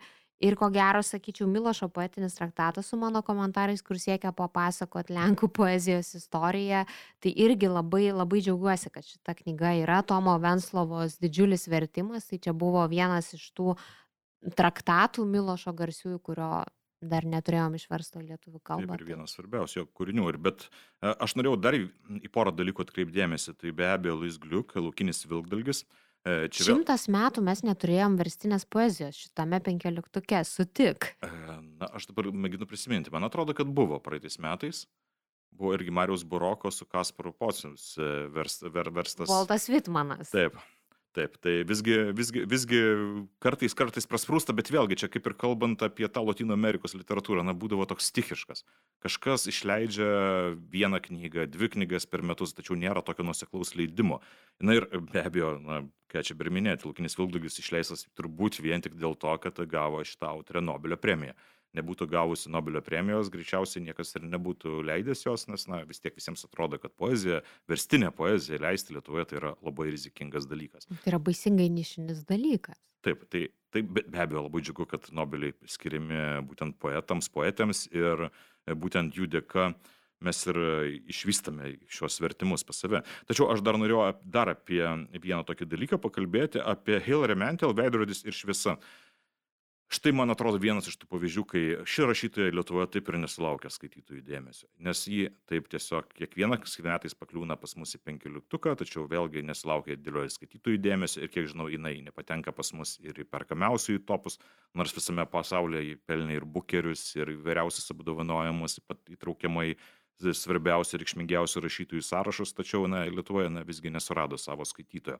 Ir kitas kūrinys, e, apie kurį irgi man kažkiek netgi ir skaudu kalbėti, kad jis nesulaukė tokio didelio dėmesio, tai yra Antonijos Kurati šimtmečio sunus. Mano įstikinimu irgi vienas tarp svarbiausių ir įdomiausių šiais metais pasirodžiusių kūrinių, kuris kalba apie Musolinio ateimo į valdžią. Ir autoris atliko tikrai gigantišką darbą. Jis penkis metus rinko e, informaciją šiai knygai. Tai yra kūrinys, kuris yra kaip ir grožinis kūrinys, tačiau viskas yra labai kruopščiai dokumentuotas. Jis viską rašo šimtmečio sunuje apie Musolinį, kaip jis atėjo į valdžią tarsi, tarsi, tarsi tai yra romanas, tačiau kartu matai ištraukas iš laikraščių, matai, matai citatas ir skaitai tą knygą kaip na, to laikmečio absoliutų užfiksavimą to mentaliteto ir tų istorinių įvykių. Ir, ir skaitydamas tą knygą be kita ko supranti, kad tai yra ne tik apie Italiją 20-ojo amžiaus pradžioje, pokaryje, po pirmojo pasaulio karo, bet tai yra pasakojimas apie šiuos laikus, nes jis kalba apie tai, kaip į valdžią ateina populistai, E, kaip jie išnaudoja visuomenėje tvyrančią įtampą, nepasitenkinimą ir tai vėlgi pandemijos metu yra labai akivaizdu, nes jeigu mes skaitome, kaip Musolinis išnaudoja visą tai, na tai mes matome, kas vyksta dabar. Ir, ir, ir tai yra tikrai monumentalus, puikus e, darbas, trilogija, trilogijos pirmoji dalis, tačiau aš nežinau, kaip bus paskui, nes, na, Lietuvoje visgi panašu, kad savo skaitytojų per daug taip ir nesurado. Čia yra labai įdomu ir toks praktiškai retoriškas, re, re, tai yra retorinis, neatsakomas klausimas, kodėl, kodėl ar ne šitos knygos yra neskaitomos. Aš kartais galvoju, gal dėl to, kad e, tai ne mūsų šalies istorija ir ne va, pažiūrėjau, kokia mantel ten Anglija tolimais laikais ir aš čia taip tik tai bandau spėti galimybės, kodėl, pavyzdžiui, žmonės nenori skaityti tų knygų. Kaip tau atrodo? Aš, aš irgi taip e, mėginu atsakyti savo, savo šitą klausimą ir aš galvoju, na, vienas iš tokių, viena iš tokių versijų buvo, na, kad mums tas istorinis laikotarpis, ar ne, galbūt e, nėra tiek aktualus, tarkime, Italija. 20, ir tie herojai visi. Musolinis, e, galbūt Italijoje, ten milijoniniai tiražai šitos knygos, tai suprantu, kad italams tai yra svarbu, bet tačiau knygas laukia ir visame pasaulyje susidomėjimo, nes, na, visgi Musolinis, viena iš svarbiausių 20-ojo amžiaus figūrų, ar ne? Bet, na, tarkime, o žmonės apie holokaustą skaito puikiai, ar ne? Tarkime, holokaustas čia skiria knygų industrija. Tai aš, aš nežinau, šiaip iš tikrųjų niekas negali šitą nuspėti. Tų skaitimo tendencijų labai sunku nuspėti, lygiai taip pat mes galime iš karto perėti prie kitos temos, prie kitos tendencijos, kurios irgi knygos, kurios tarpusavėje kažkiek siejasi ir kurios pas mus sulaukia labai daug skaitytojų dėmesio, tai yra uh, knyga iš dangaus nukrito trys obuoliai ir totoriškos virtuvės aštrumai, tai yra Bronski ir Abgarjan. Knygos, kurios yra skirtingos, tačiau jas galbūt sieja tokia ta pati nuotaika galbūt kažkiek ir, ir, ir pagrindinės personažės, tai yra tokios moteriškės, stiprios moteris, kurios turi labai tokį aišku supratimą apie pasaulį, kurios yra ekscentriškos, e, knygos tokios liūdnai, liūdnai linksmos, kurios yra ir turi lyg ir ironijos, tačiau kartu turi ir tokios melancholijos, e, kartu ir liūdėsio, na, kaž, kažkaip man... Ir atpažįstamumo tokių jo, ir. Man, man jos kažkaip siejasi, ta, ta pati Bronski ir Apgarjan, kažkokios šitos knygos tokios kaip ir panašios, ir jeigu dar prie jų pridėtume, pavyzdžiui, Elizabeth Strout, Olivija Kiterič, kuri nepakliuvo į šį sąrašą, tai būtų, na, trijulė knygos, kurios knygos, kurios skaitytojų tikrai labai mėgstamos.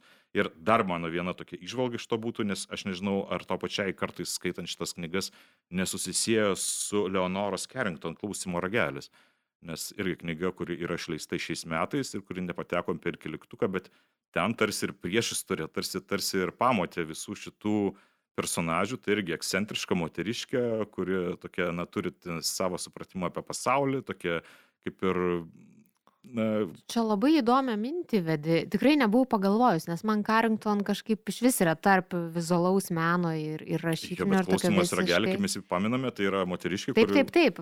Ir, ir, ir tai pradedi galvoti, na, ir Baba Dunija labai panaši, pradedi galvoti apie iš dangaus nukrito trys obuoliai. Tai irgi toks, na, aš nežinau, čia toks gal iš, iš tolo toks pritempimas, tačiau bent jau man kažkokios sąsajos yra.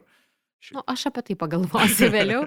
Man labai, žinai, gaila ko, kad nepakliuvo į šitą mūsų sąrašą leidyklos Rara e, pristatytas lietuvių skaitytojų auditorijai Cezaris Aira, visiškai iki šiol neverstas į lietuvių, būtas neverstas į lietuvių kalbą argentiniečių rašytojas ir Airos vaiduokliai a, turbūt bus viena iš mano raros favoritinių knygų kartu su Melchior uraganų sezonu. Ir kas yra įdomu žiūrint į šitą penkioliktuką, kad pakliuvo viena vadinamoji čia ilgą laiką ta tendencija buvusios autofikcijos, autofiction knyga, tai yra Manuel Vilas Ordesa. Ordesa. Tikrai a, Žinai, puikiai prisimenu, šitą knygą skaičiau tarp kalėdų ir, ir naujų metų ir kažkokį jinai tokį labai šviesų e, įspūdį paliko ir kažkaip nors jau atrodo buvo tikrai nuovargis nuo tų tokių autobiografinių pasakojimų ir atrodo, jie, kiek, kiek jau čia galima ir tikrai šiemet visi matėm, kad sąrašuose yra ir Karlas Uvek Nausgoras, nes Baltos lankos toliau leidžia jo a, kovą ši, šitą šešetomį. Tai uh, Vilos Ardasa tikrai toks ispaniškasis autofikcijos variantas, labai įdomus ir labai netikėtas. Ir aišku, turbūt reiktų nepražiūrėti Matieso Enaro vagi- vagių gatvės. Enaras praėjusiais metais e, nuotoliniu būdu viešėjo festivalyje, Vilniaus lapai. E, Enarą vertė Violeta Tauragienė ir a, šita knyga visiškai kitokia negu kompasas.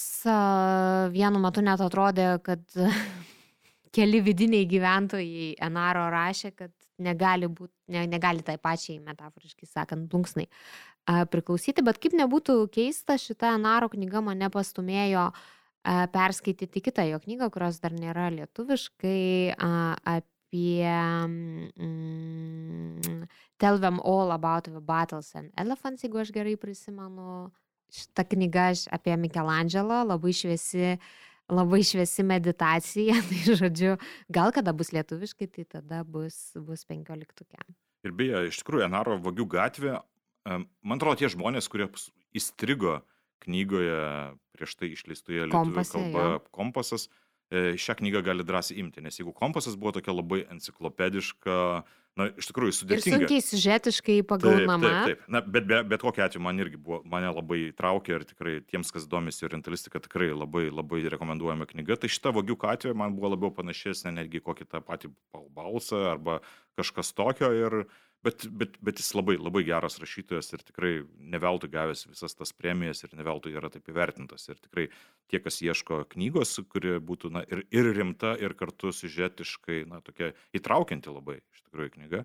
Ir kuri kalba irgi apie įvairius, vėlgi, Apie dabarties problemas. Yra apie tą patį arabų pavasarį, Taip, taip. kalba apie migrantų krizę, apie, apie tai, kaip jie jaučiasi at- at- atvažiavę į Europą. Tai man atrodo, šita knyga yra labai viena, viena iš tų, kuri tikrai labai rekomenduojama. Ir ko gero knyga, kuri būtų apie visą gyvenimą ir galimus gyvenimo variantus, tai būtų Steinbeko rūstybės kekės, bet čia jau neišsiplėsim ir pasiūlysim paklausyti mūsų pokalbį su vertėja Gabrielė Gailiūtė Bernotenė. Bet tikrai sakyčiau, buvo tokia pavasario hitas asmeninis. Na ir beje, aš dabar irgi trumpai baigiant jau turbūt tą grožinių sąrašą, aš manau, kad e, tiems, kurie galbūt neseka labai e, perskaitimų tinklalaidės, aš galiu pasakyti, apie ką buvo iš to penkioliktuko tinklalaidės, jeigu norėtume dabar susirasti, tai yra rūstybės kekės, Austerlicas, e, totoriškos virtuvės aštrumas, aštrumai, pininas, oda mažoji Neapolio apokalipsė, uragano sezonas, e, staigi mirtis, e, lyg ir viskas, man atrodo. Tai iš esmės e, mūsų penkioliktoke yra net septynios knygos iš, iš mūsų šių metų pokalbių su vertėjais. Taip, na, o ka- kaip paminėjai, kas e, tau labai apmaudu, kad nepateko į penkiol- į penkioliktuką, tai aš galėčiau vieną savo išskirti tokią, tokią autorių ir knygą, kuri man tikrai labai patinka. Tai yra e, Goranas Vainovičius ir Figmedis. Man atrodo, irgi knyga, na, beltų taip pražiūrėta, nors iš tikrųjų irgi kalbanti apie aktualius Europai ir aktualius istorinius dalykus, kurie irgi persekioja vėlgi tos pačius Balkanus ir persekioja turbūt ir, na, ir šiaip, šiaip tai yra labai asmeniška istorija ir labai paveikiai e, parašyta. Gerai, turbūt perėsime prie verstinių negrožinių knygų, ar ne? Jo, ir pagalvoju, kad gal kitas į galėsime atskirą pokalbį pasidaryti, pavir, pavirkaut, kaip gaila, kad nepakliuvo tas ar tas, kurie buvo mūsų favoritai. Tai gerai, verstinės negrožinės knygos, na, čia vėlgi akivaizdu, e, kokia leidykla e, labiausiai dominuoja, nes na, mes visi puikiai žinome, kad yra kitos knygos, kurie išleido, kaip ir tu pati jau minėjai, šiandien Sapiens, kuri tapo postumiu, vėlgi nemažai kam leisti negrožinės knygas. Tai... Bet Hararis, žinok, man atrodo visam pasauliu, kiek aš truputį labai mažuoju piršteliu domėjausi šitais reikalais, tai Hararis pramušė daug kur. O Hararis, aš toks trumpas nukrypimas, aš vakar buvau paplaukioti baseiną ir išlipau į baseiną ir matau žmogus tiesiog ilsisi po baseiną, paplaukęs ir skaito Hararį ir galvoju, štai. Prašau. tai, tai štai, štai tokie dalykai. Na, o žiūrėt, žiūrint į versinės negrožinės knygas, vėlgi labai labai labai platus spektras nes na čia matome ir fernandos vardelis civilizacijų gramatika tai yra pamatinis veikalas apie civilizacijas ir tikrai tie kas domisi civilizacijų istorija na tikrai turėtų perskaityt šią knygą nors aš turiu šiek tiek priekaištų šiai knygai nes na knygos pabaiga jinai turėtų galėtų būti na tos visos jos tie visi spėjimai jo prognozės na šiek tiek man atrodo kažkiek einantys per šalį pro šalį ir lietuviai ypač turėtų įsižeisti nes na iš tikrųjų baltijos šalių okupacijai ten kaip ir visiškai neskiriama dėmesio tarsi toks na, nereikšmingas civilizacinis epizodas buvo, tai na, lietuviai gali taip ir suraukti antakius, na, bet, bet kokia atveju jisai galbūt ima kažkiek platesnių kampų. Na ir tarkime, nenagrinėja tos pačios Afrikos beveik, beveik neskiria dėmesio.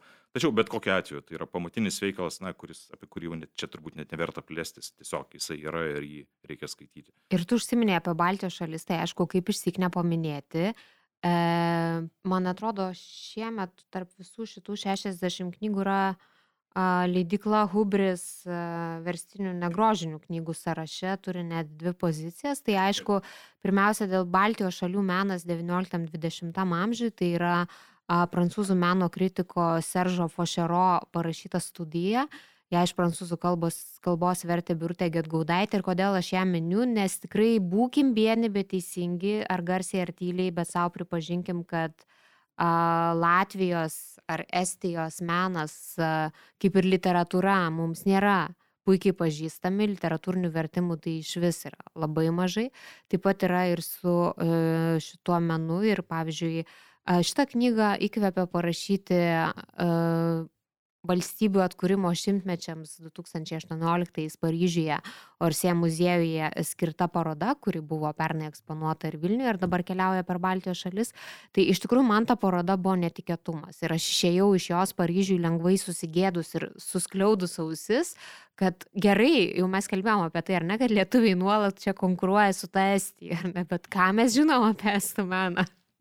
Praktiškai nelabai ką. Tai taip pat ir su Latviais.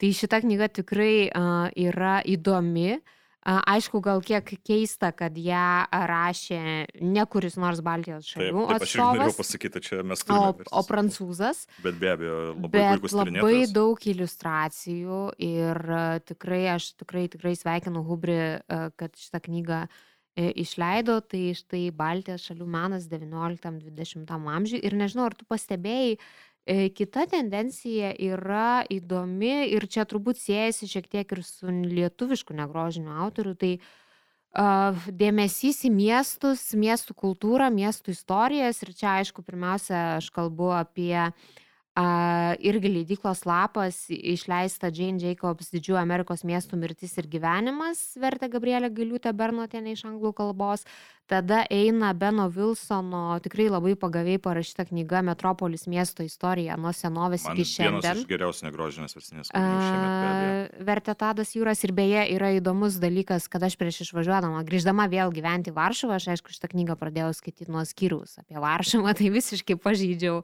chronologinį autoriaus sumanimą bet tikrai tikrai. Ir tada mes turim uh, rodžerį kraulį ir konstantinopolį Tai va, yra trys pozicijos, kurios kažkaip mums kažką pasakoja apie miestus, ar ne? Taip, nors aišku, Konstantinopolis kažkiek iškrenta iš šito konteksto, nes, na, tai yra, jeigu mes e, kalbėtume apie tai, kaip yra parašytos knygos, tai Konstantinopolis, man atrodo, tokia labiausiai klasikinė knyga, tiesiog paimamas vienas labai ryškus įvykis, na ir jis labai detaliai aprašoma ir aprašoma, kokį poveikį tai turėjo istorijai, ne tik tai to paties Konstantinopolio, bet ir viso regiono ir galbūt ir viso pasaulio.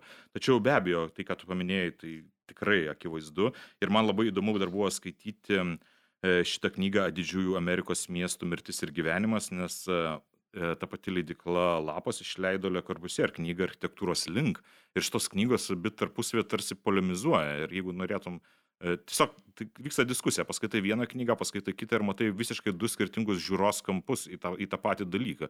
Tačiau būtent įskaitant jas, tu gali pradėti mąstyti apie miestą galbūt kiek kitaip, nes man atrodo irgi vėlgi labai aktuali dabar šiais laikais tema, kai atrodo tie turto vystytojai, nekilnojamo turto vystytojai, jie, na, jiems yra svarbiausia pastatyti namus, niekas negalvoja, ką, kaip, kaip jaučiasi gyventojai, niekas negalvoja apie tai, kaip, kad miestas yra gyvas organizmas ir kad reikėtų atsižvelgti visą tai ir, na, tavo kita paminėta. Čia dar tiktų beje speko vaikštomas taip, miestas taip, taip, išleistas Hubrio. Taip, labai gerai, bet, bet yra kita dar knyga, kurią irgi tu paminėjai, Metropolis, irgi kalba būtent apie tai, nes kalbama ne apie miestų istoriją, kada buvo įkurtas ar dar kažkas, bet yra kalbama apie juos kaip apie gyvą organizmą, kaip veikia turgus, kaip ten jaučiasi žmonės, įvairūs aspektai, kaip, kaip aukščiai miestų lemia jų gyvenimą ir panašiai.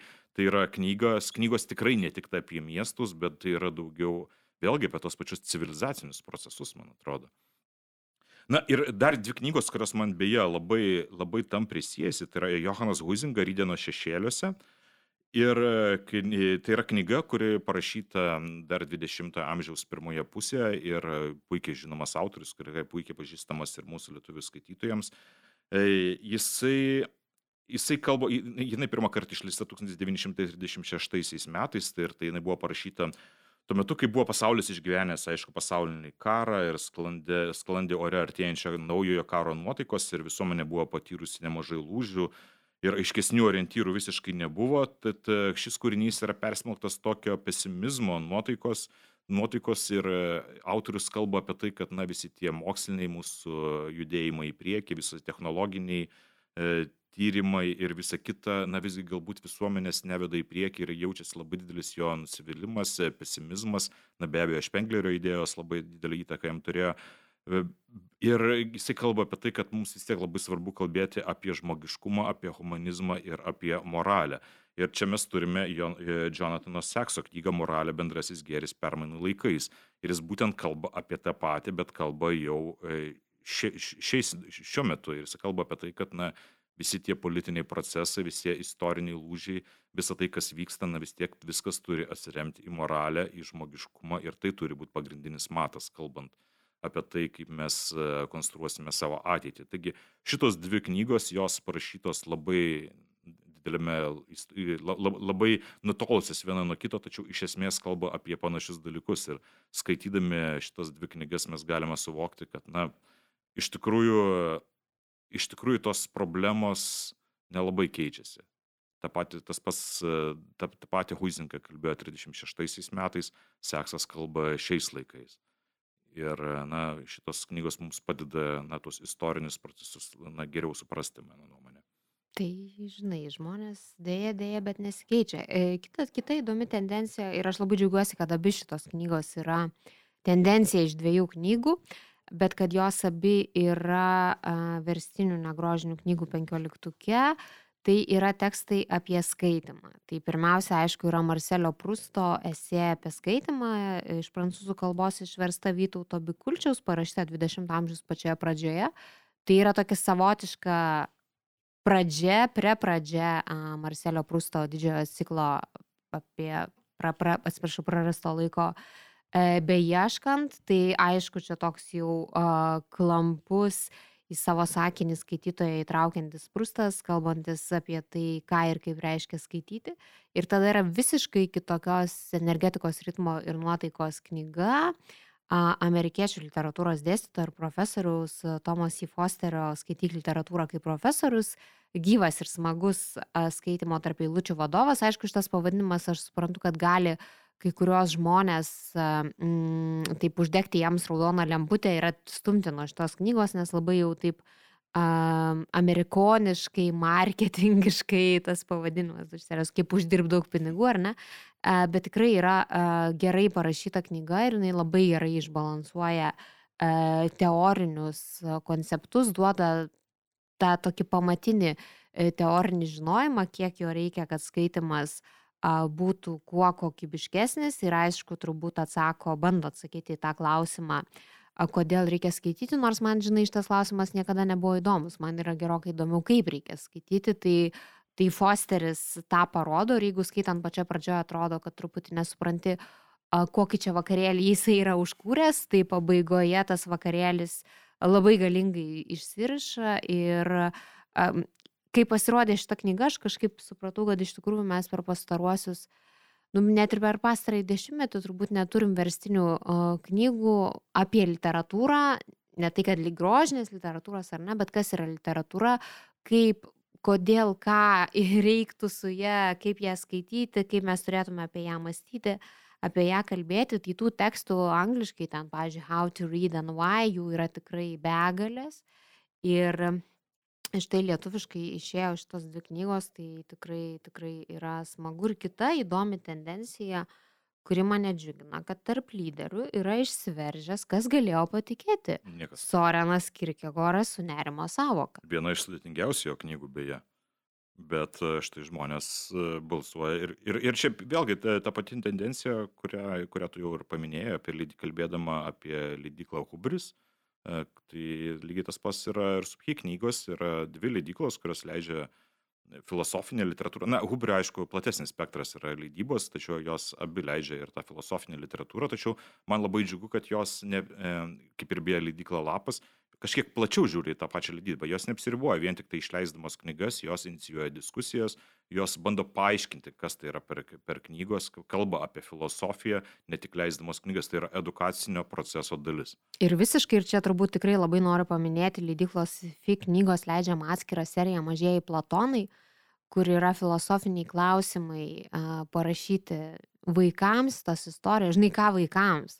Aš pati kaifavau skaitydama ir, ir tikrai labai, labai, žodžiu, jeigu kas ieško tokiam paaugusiams vaikams, va ypač artėja kalėdos, e, bet tai yra ta dovana, kur tėvai turės kartu su vaikais skaityti šitą šitas knygutes ir kartu aiškintis, nu, iš esmės pamatinius gyvenimo klausimus, reiškinius ir savokas. Ir beje, tu paminėjai tas dvi knygas apie skaitimą ir iš tikrųjų man irgi labai džiugu. e, Tai ir beje, Fosterį dar norėjau priminti, tik tai be- bet pridėti tai, kad jis parašytas dar ir su humoru. Taip, ir, ir, taip, ir taip. Labai, labai pagaviai ir tiesiog skaitydamas. tas- Gyvas ir smagus. Gyvas ir, gyvas ir smagus skaitinys. Ir, na, aišku, aš, aš nežinau, ar būtinai. Ir jisai, man atrodo, pats irgi toje knygoje rašo, kad na, nebūtinai reikia visiems narstyti knygas, knygas ir ai- aiškintis, kodėl parašyta taip. Na, gal kitiems užtenka tiesiog taip skaito, patiria malonumą, taip ir viskas. Na ir aišku, tos jo pastabos, kad, na, jeigu kažkas neaišku, tai ieškokite nuorodų į Bibliją arba Šekspyrą, nes dažniausiai... Žinai, man labiausiai tai patiko tas pasakymas, kad skaitimas yra kontaktinis sportas, į kurį tu vožiesi į knygą visą savo patirtim. Taip. Ir, bet dar viena knyga, kurią aš pridėčiau prie šitų dviejų, tai yra Doriano Linskiai Tiesos ministerija, Laimonto Jonušio versta knyga. E, Nes e, kuo jis siejasi su šitom dviem? Dėl to, kad jisai kalba apie Džordžą Orvelą. Vėlgi, 1984, vienas iš pamatinių 20-ojo amžiaus kūrinių. Ir e, šioje knygoje kalbama apie patį Orvelą, kaip jis parašė šią knygą, kalbamas, kalbama apie kontekstus, kaip gimė ši knyga, kalbama apie įvairias interpretacijas ir kuo aktuali ši knyga. Nes, na, vėlgi, 1984, na, tikrai unikumas šita knyga, man atrodo, yra tuo, kad, pavyzdžiui, šią knygą kaip tokią pamatinę ima visi. Ta, na, tarkim, na, gerai, čia nesinori labai leistis į politiką, paimkime tuos pačius, na, grubiai sakant, vakserius ir antivakserius. Ir kiekvieni paima, štai, vyksta 1984 ir visi sako, Orvelas rašė apie tai. Kiekvienas, kiek, žmonės atrodo priklausantis visiškai skirtingoms stovykloms šioje knygoje išvelgia tai, kas jiems yra, atrodo aktualu. Ir jie mano, kad kalba jiems. Ir aš galvoju, Orvelas praėjus tiek metų po knygos išleidimo, na, jis vis tiek yra vienas iš tų, kurie, na, kurie dažniausiai cituojamų. Ir vėlgi, ir kaip knygos pradžioje rašo beje autorius, kad, na, kai Donaldas Trumpas e, irgi buvo Junktinio Amerikos valstijų prezidentas ir kokiais, kokiais šuoliais kilo šios knygos pardavimai, na, žmonės vis tiek praeina, ateina, ateina tokie laikai, tokie labai neapibrieštumo, ateina manipulacijų, propagandos laikai ir žmonės nesuranda nieko kito kelio, kaip atsigręžti Orvelą. Nes, nes jis kalbėjo šitą temą galbūt aiškiausiai, paveikiausiai su labai tokiais ryškiausiais simboliais. Na ir ši knyga mums leis, na, kiek kitokių žvilgsnių pažiūrėti Orvelą ir, ir pa- pažiūrėti į tai, kaip gimė ši knyga. Tai irgi labai rekomenduoju visiems tiems žmonėms, kurie mėgsta cituoti Orvelą, galbūt net neskaitė jo. Ir, Dažniausiai taip ir, ir, ir, ir, ir, bandyti išsiaiškinti, ką iš tikrųjų jisai norėjo pasakyti šioje knygoje. Na ir šio penkioliktuko liko na, kelios tik tai knygos. Ir liko iš esmės, žiūrėk, dvi tendencijos. Tai viena Taip. tendencija yra uh, holokaustas, Tai yra uh, Lorenzo Ryso Aušvicas Nasiai ir galutinis sprendimas iš anglų kalbos vertė Matas Gelažauskas. Ir kita knyga, kuri yra labai svarbi ir turbūt labai seniai laukta lietuviškai, tai Odilės išleista slaptoji Kauno žydų policija. Nežinomi Kauno žydų geto policijos pareigūnai parengė Samuelis Šalkovskis, iš anglų kalbos verteistis Žekevičius.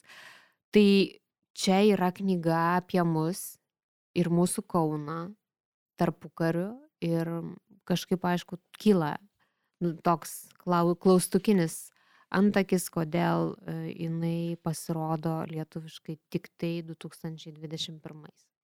Taip, ir na, ši knyga kalba apie, apie tai, kokie, kokie buvo sudėtinga visgi ta situacija ir aš manau, kad labai rekomenduoju perskaityti ją visiems apie žmonės, e, kurie na, turėjo labai priimti labai sudėtingus moralinius sprendimus ir kad, na, na iš tikrųjų, aš, aš, aš net, net, net, net nežinau, ar, ar apskritai buvo rašyta kažkas šią temą iš tikrųjų pas mus iki šiol Lietuvoje, aš nežinau, ar, ar tau teko skaityti kažką panašaus. Nes bent jau man už, už akių neužkliuvo ir man atrodo, kad dar, dar vienas naujas kalbėjimo apie holokaustą ir apie tai, koks jis buvo Lietuvoje uh, aspektas. Nes čia yra autentiški liudijimai. Beje, beje, tų liudijimų vien jau istorija, taip, kaip jie buvo rasti, vertės skirios knygos. Taip, taip, taip, tai čia turbūt yra svarbu tai, kad čia nėra kažkokia perdirbta antrinė medžiaga, o čia yra tas toks pirminis šaltinis, prie kurio ir čia kiek aš domėjausi ir žinau, tai yra vienintelė pasaulyje tokia knyga, kada yra išsaugoti slaptosios žydų policijos šitie liudijimai, užrašai vienintelė pasaulyje. Ir kita knyga, tavo paminėta Aušvicas, e, Lorenzo Ryso. Irgi mes jau kalbėjom apie tą holokausto knygų industriją ir, na, iš tikrųjų tenka pripažinti, kad, na, labai didelė dalis ten iš tikrųjų niekiniai kūriniai, kurie tiesiog, na, bandoma, na, pakliūti į tą patį traukinį, populiarumą ir išleisti knygas, kurios... Ir užsidirbti pinigų. Taip, kurių vertė yra visiškai niekinė tų kūrinių. Tai šiuo metu Aušvicas vienas iš geriausių, bent jau man, kūrinių skaitytų šią temą. Nes e, autorius atliko labai didžiulį tyrimąjį darbą ir e, skirtingai nuo daugelio kitų jisai bandė kalbėti ir su tais pačiais, jisai bandė kalbėti su išlikusiais gyvaisiais liudytojais, e, tais, kurie buvo kalinti ir su tais, kurie kalino, su tais, kurie buvo mušami, kankinami ir su tais, kurie kankino. Ir bando suprasti, kodėl. Čia pagrindinis klausimas ir yra kodėl. Ir tokie sukrežintis liūdėjimai yra apie tai, kad, na, tie patys kankintojai, jie sako, kad, na, tuo metu negalvoja, kad yra kažkas blogo. Pasakojama apie tos pačius, na, budelius, kurie vėliau gyveno Vokietijoje, integravosi į visuomenę. Ir vienas toks labai ciniškas pavyzdys, kad, na, kuris darė savo verslą ir kuris sakė, kad, na, tas e, Aušvico kūrimas jam labai padėjo versle, na, kaip organizuoti tą visą verslą, nes, na, buvo puikia mokykla. Šiaip, na, tiesiog kaip organizuoti tiesiog viską tiekimą ir visą kitą. Ir, Žodžiu, po tą maro metu. Neįtikėtina. Ir, ir, ir skaitai tą knygą ir autoris nėra, nėra kažkoks teisėjas, tarkime, jisai neusiemo, aiškinamas, kas blogai, jis tiesiog patikė nuogus faktus. Ir pats skaitytojas iš viso to darosi visą tą bendrą vaizdą, kas vyko Aušvice. Tai knyga, kurią irgi kartu ir su e, tuo kitu kūriniu tikrai vertėtų perskaityti, kad susidarytume vaizdą, kas, kas vyko tuo metu. Ir e, tikrai man atrodo, kad verčiau imti, kad ir šitas dvi knygas, negu perskaityti vieną iš tų šimtų ar tūkstančių uh, tarkime, auš, e, holokaustą išgyvenusio ten kažkokio tai dėdės, dėdės ar, dėdės, ar, dėdės ar didienės pusbrolio prisiminimai, ką jis jautė skaitydamas dienoraščius. Nu ką, ir liko biografijos? E, taip, ir biografijos aš dabar staiga žiūriu į sąrašą, be abejo, jo šventinybė Dalai Lama. Irgi vėlgi vienas iš tų žmonių, vienas iš tų, viena iš tų ryškių asmenybių, apie kurią išleista knygoje dešimtis, aš nežinau, gal ir šimtai Lietuvoje, tačiau kuo išskirtinė ši knyga, kad ji iš tikrųjų parašyta iš pirmų lūpų, iš žmogaus, kuris keliavo kartu su Dalai Lama, visą laiką buvo jo dešinėje. Ir ši knyga be abejo irgi išleista labai nuostabiai, labai nuostabiai išleista. Ten yra daugybė nuotraukų, daugybė uh, daugybė liudijimų, laiškų ir įvairaus Dalai gyvenimo laikotarpių. Na, žodžiu, tai yra, man atrodo, pamatinis veikalas tiems, kas domisi ne tik tai Dalai istorija, bet tuo, tiems, kas domisi ir Tibeto istorija, nes tai yra plates, į platesnį kontekstą įmetantis kūrinys. Na ir jeigu man reikėtų pasakyti, kad, na, rekomenduok vieną knygą apie Dalai Lamą, tai sakyčiau, štai ši knyga. Ir knyga tikrai irgi sulaukė labai plačių įvertinimų ir visame pasaulyje. Ir tikrai labai džiugu, kad jinai būtent taip puikiai e, išleista ir Lietuvoje. Tai reikia tik pasakyti, kad tai yra Tenzino Geičės Tetong. Taip, jo šventinybė 14 Dalai Lama iš anglų kalbos vertė Saulis ir Pečka išleido Lietuvos rašytojų sąjungos leidikla. Tai turbūt apie negrožinės knygas, kaip ir viskas, ar Ir ne? ne, nu ką, Barack Obama. Ai, Barakas Obama, štai pirmasis. Na, be abejo, lyderis pagal, pagal, pagal dabartinis skaitytojų balsavimus ir, na, nežinau, nežinau kaip tu, pavyzdžiui, aš pakankamai skeptiškai žiūriu tas knygas, kurias, na, Barakas Obama rekomenduoja. Ar, ar esi nusipirkus knygą vien dėl to, kad Barakas Obama rekomenduoja? Nu, dėja turiu prisipažinti, kad ne. Bet, žinai, yra viena reikalo pusė, kad mes vis tiek esam profesionalūs skaitytojai, tai jau mūsų Barack Obama nepaveiks ir nepapirks. E, Bet tiems žmonėms, kurie e, skaito rečiau, tai žinau, kad šitas ženkliukas Barack Obama rekomenduoja tikrai veikia ir šitos pusės gali galvoti, nu ir ačiū Dievui, nes ten tikrai labai literatūrinė prasme prastų knygų.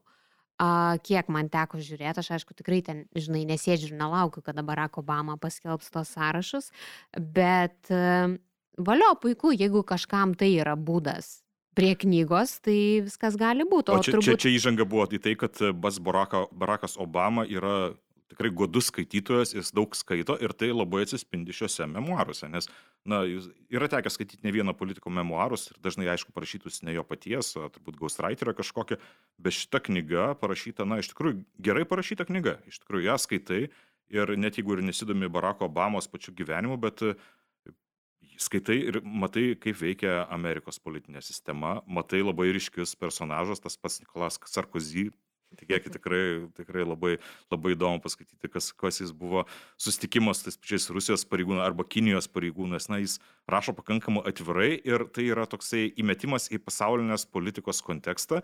Ir jis pats rašo apie tą patį laikotarpį, nes jis atėjo, kaip žinia, iš karto prasidėjus kriziai, ką reiškia politikui, ką būti JAV prezidentu, kai reikia priimti sudėtingus sprendimus. Ir kai tu stovi prie žemėlapio, tarkime, ir matai, gerai, šitoms gamykloms nutrauksim paramą ar nenutrauksim, šitas gelbėsim ar šitų negelbėsim. Na ir tu tiesiog turėsi bakstelėti ir suprasti, kad na štai tūkstančiai žmonių liks be darbo. Ir kaip jautiesi. Ir, na, ir, ir Barackas Obama tai pakankamai atvirai aprašo ir aprašo, ką reiškia, ką reiškia būti valstybės vadovo tokiuose pozicijose. Ir beje, šiaip aišku, rašo ir apie asmeninius dalykus, kalba apie tai, kas yra šeima, kalba apie apie savo pašaukimą, apie tai, kaip jis pats įsivaizduoja prezident, buvimo prezidentu, kas yra prezidento institucija. Na, žodžiu, bet bet kokiu atveju, aš tikėjausi, kad tai bus pakankamai sausas e, veikalas, tačiau iš tikrųjų ne. Ir pats Barackas Obama galvoja, kad parašys labai greitai ir bus e, tiesiog kelių šimtų puslapių knyga, tačiau gavome didžiulį, ten, aš net nežinau, kiek ten puslapių knygos veikalą ir tai yra tik pirmoji jo memoarų dalis, tai tikrai laukiu antrosios dalies, man atrodo, kad antroji bus netgi įdomesnė, nes čia yra tik tai pirmieji buvimo prezidentų metai. Tai, tai Ir turbūt... šiaip turbūt mes daug laukiam, nes pažiūrėk, aš dabar prieš ruoždamas į šitą mūsų pasikalbėjimui tiesiog pažiūrėjau, kad nu, leidyklos išprotėjusios labai daug naujų knygų išeina dabar.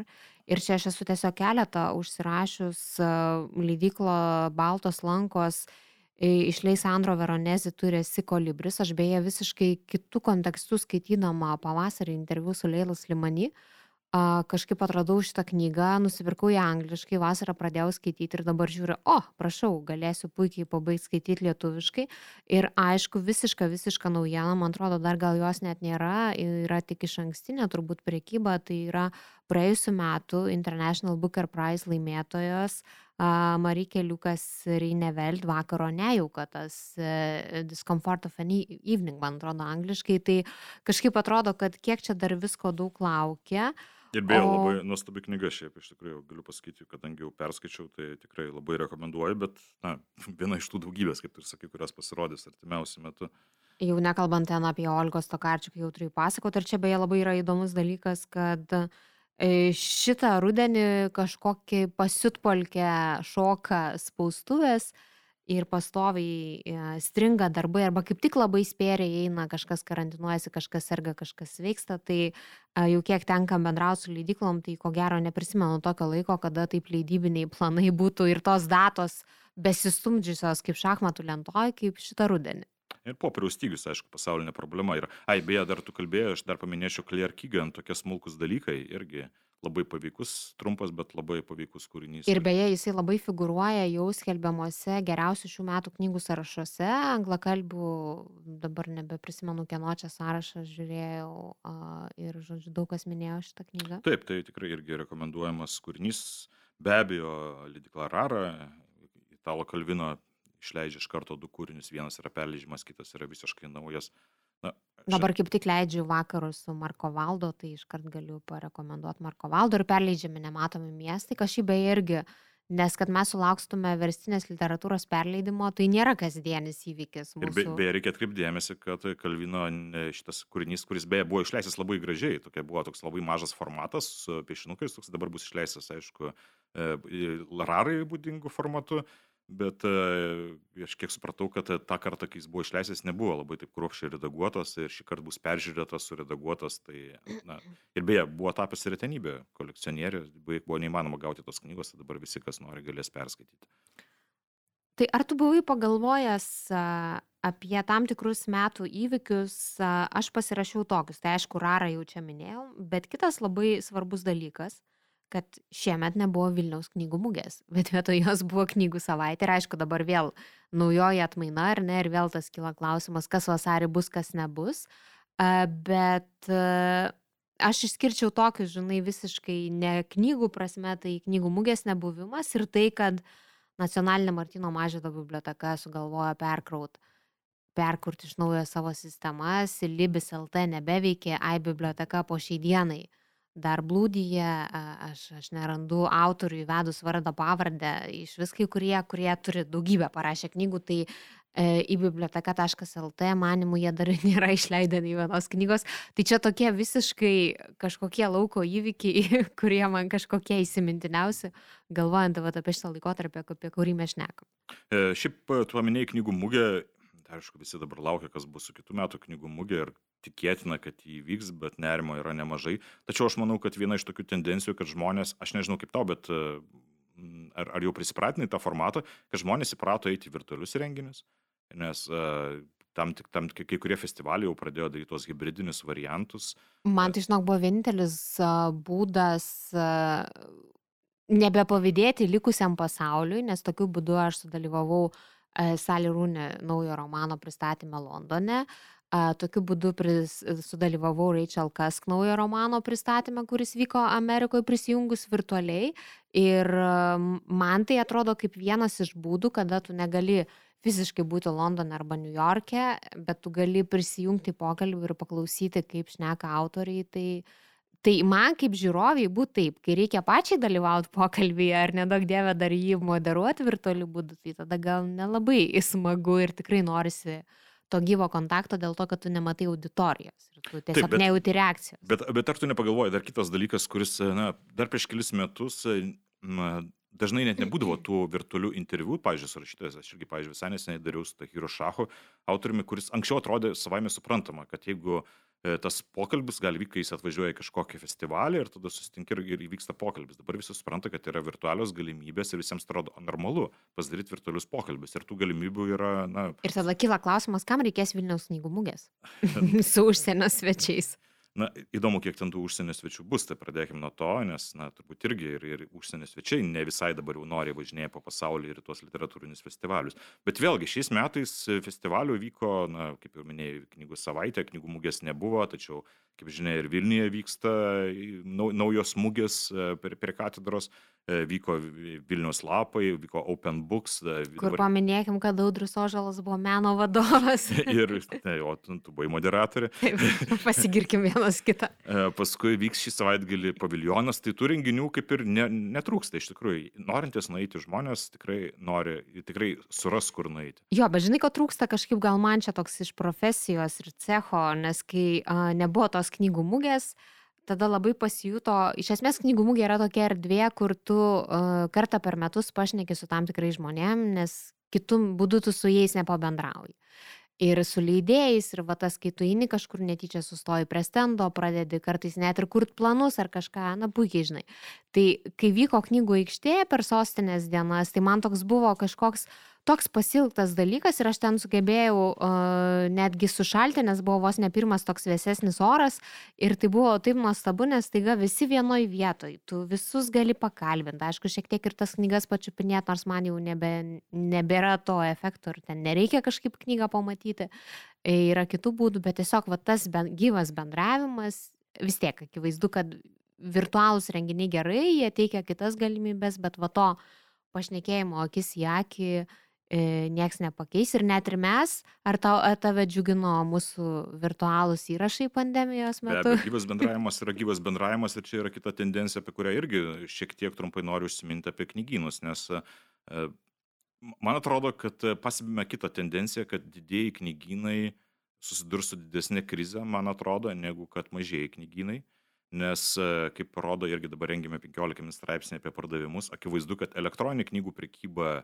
įsigali, pardavimai auga dvigubai ir žmonės į tos pačius knygynus, didesniuosius, tarkime, beveidžius knygynus labai dažnai, jie, na, neina. Na, tiesiog, na, ne, ne tai, kad neina, jie galbūt eina, jiems patogu, jeigu ten eina kažkokie prekybos centrai ir visa kita, bet specialiai važiuoti į knygyną, galbūt pagalvos galima užsakyti, na, knygą elektroninę kažkokią, ar ne, tarkime, elektroniniu būdu.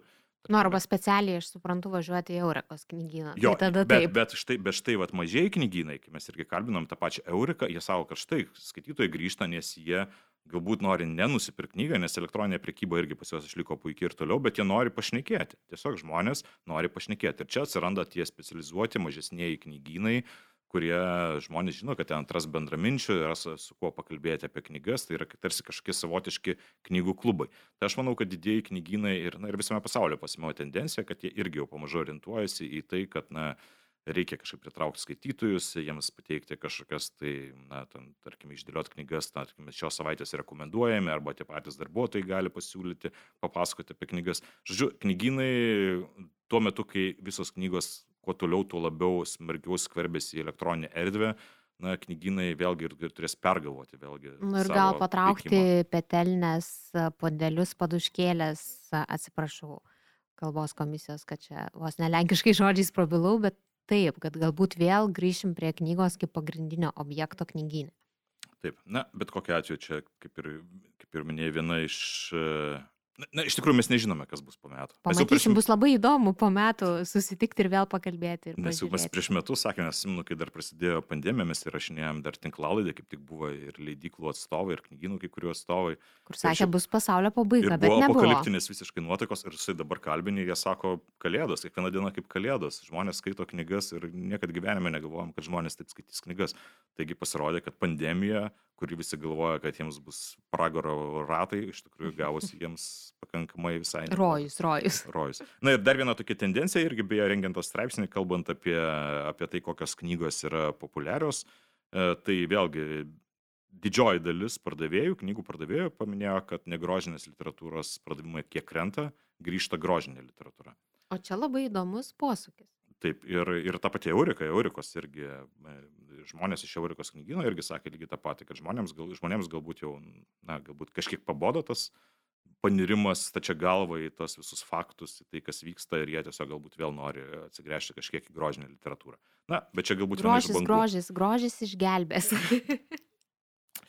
Tai nežinau, šiaip e, apskritai apie tas išvalgas mes dar galėtume pakalbėti, bet tačiau aš dabar žiūriu. Tai mes, tai bus... man atrodo, sumušėm rekordų rekordą. Abs, abs, absoliučiai rekordų rekordas, tačiau aš ne, e, tik tai dar vieno dalyko mes nepaminėjome, kad e, šiemet 15 min metų knygos rinkimuose dalyvauja ir Pegasas ir jie suringė savo rinkimus, jie tiesiog atrinko knygas, kurios buvo perkamiausios e, pas juos per šiuos metus ir skaitytojai irgi gali balsuoti ir galės dar balsuoti iki gruodžio 14 dienos ir išrinkti iš tų 15 e, tų populiariausių knygų savo. Ir iš esmės, mes, kai aš atsidarau tą penkioliktuką, aš matau, kad na, žmonės irgi pirko nemažai, nemažai knygų kartojasi. Aišku, yra Lucinda Riley, Sandra Brown, Nijolė Narvantaitė, na, tai yra populiariai autoriai. E, Jordanas Petersonas vis dar irgi Žinoma, populiarus. Kaip gibėjo? Tas pas Barakas Obama, tačiau e, Kristina Sabaliauskaitė, bet štai Norbertas Šaniauskas irgi E, Frankas Herbertas ir Malaužikaitė su Nelį Paltinį nepakliuvo, bet štai yra e, viena autorė, kuri pas mus penkioliktukus nepateko, tačiau be abejo tai yra vienas iš didžiausių hitų, tai yra Janagihara Mažas gyvenimas. Ir, e, kiek suprantu, kol kas jinai viena iš lyderių balsuojant Pegaso rinkimuose. Tai įdomu, kaip, kaip ten baigsis, bet be abejo, šitą knygą sulaukė labai didelio atgarsio Lietuvoje, labai daug buvo diskutuojama ir tikrai. Ir visi atrodė vienu metu, kad tik tai šitą knygą skaitė. Taip, Tai ką, reikia tiesiog priminti dar žaidimo taisyklės, kad iki gruodžio penki, e, iki gruodžio 7 dienos jūs dar galite balsuoti, susiradę 15 min portale e, balsavimus, galite atiduoti savo balsus penkiose kategorijose. Keturios, keturios kategorijos yra atrinktos komisijos, o viena kategorija yra Pegaso rinkimai. Ir e, gruodžio 7 dieną tose keturiose kategorijose lietuvių autorių grožinės ir negrožinės knygos, verstinės grožinės ir negrožinės knygos E, komisija tada iš tų e, penkioliktukose atrinks pagal balsavimą. Iš, sk- iš skaitytojų atrinktų penketukų, paskui mes jau rinksimės ir skaičiuosime, kokios, kokios knygos taps metų nugalėtojais. Tai yra bus sudedami skaitytojų balsai ir bus sudedami komisijos balsai. Taigi nugalėtojus nulems tiek komisija, tiek skaitytojai. Tai bus 50 ant 50. intriga iš tikrųjų tik prasideda. Intriga dar prasideda ir iš tikrųjų dabar yra ketvirtadienis, dabar bent jau kai mes rašinėjame šiuo metu laidą, ir, tačiau galbūt klausytės jos kitom, kitų metų ar savaitgalį, bet bet kokiu atveju laiko balsuoti dar yra iki e, gruodžio 7 dienos, taigi nepamirškite prabalsuoti. Ir e, galbūt šis pokalbis e, na, paskatins paskaityti kai kurias kitas knygas, kurių jūs dar neskaitėte, nes tikrai Štai mes turim 60 knygų, 60 knygų, kurios atrinktos iš daugiau, iš šimtų kitų knygų ir na, tikrai visos yra rekomenduojamos įvairiausios skonėms ir vėlgi visiems tiems skeptikams kalbant, kad na, nieko čia gero neleidžia, kad tai, tai čia man atrodo, nežinau, visiškai nepasiteisinimas, nes knygų yra leidžiama pačių įvairiausių ir knygų ne tik prekyba, kai mes ką tik tai paminėjome, kad prekyba išgyvena aukso amžių, bet ir leidyba, man atrodo, išgyvena aukso amžių šiuo metu Lietuvoje. Nors ko gero patys lydėjai truputėlį bijodami prietarų, taip pa- pabijos ištikrintai sakyti, kad jiems tikrai viskas gerai, tu bar bar bar.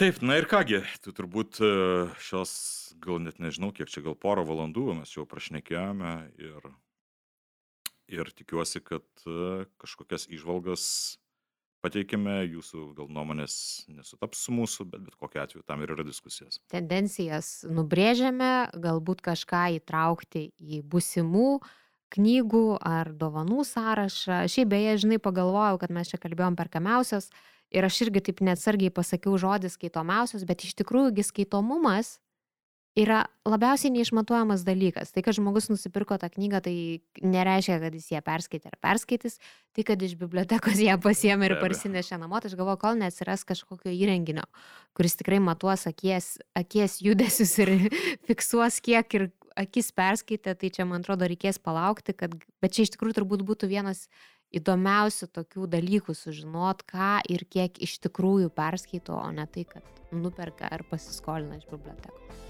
Tai čia gal, nežinau, gal po kokių 30 metų galėsim apie tai kalbėti. Be abejo, na ir kągi, ir tiek šį kartą laidoje perskaitimai ir su jumis buvome mes, aš Audrius Ožalas. Ir aš jūratė Čerškutė. Gerų jums skaitinių.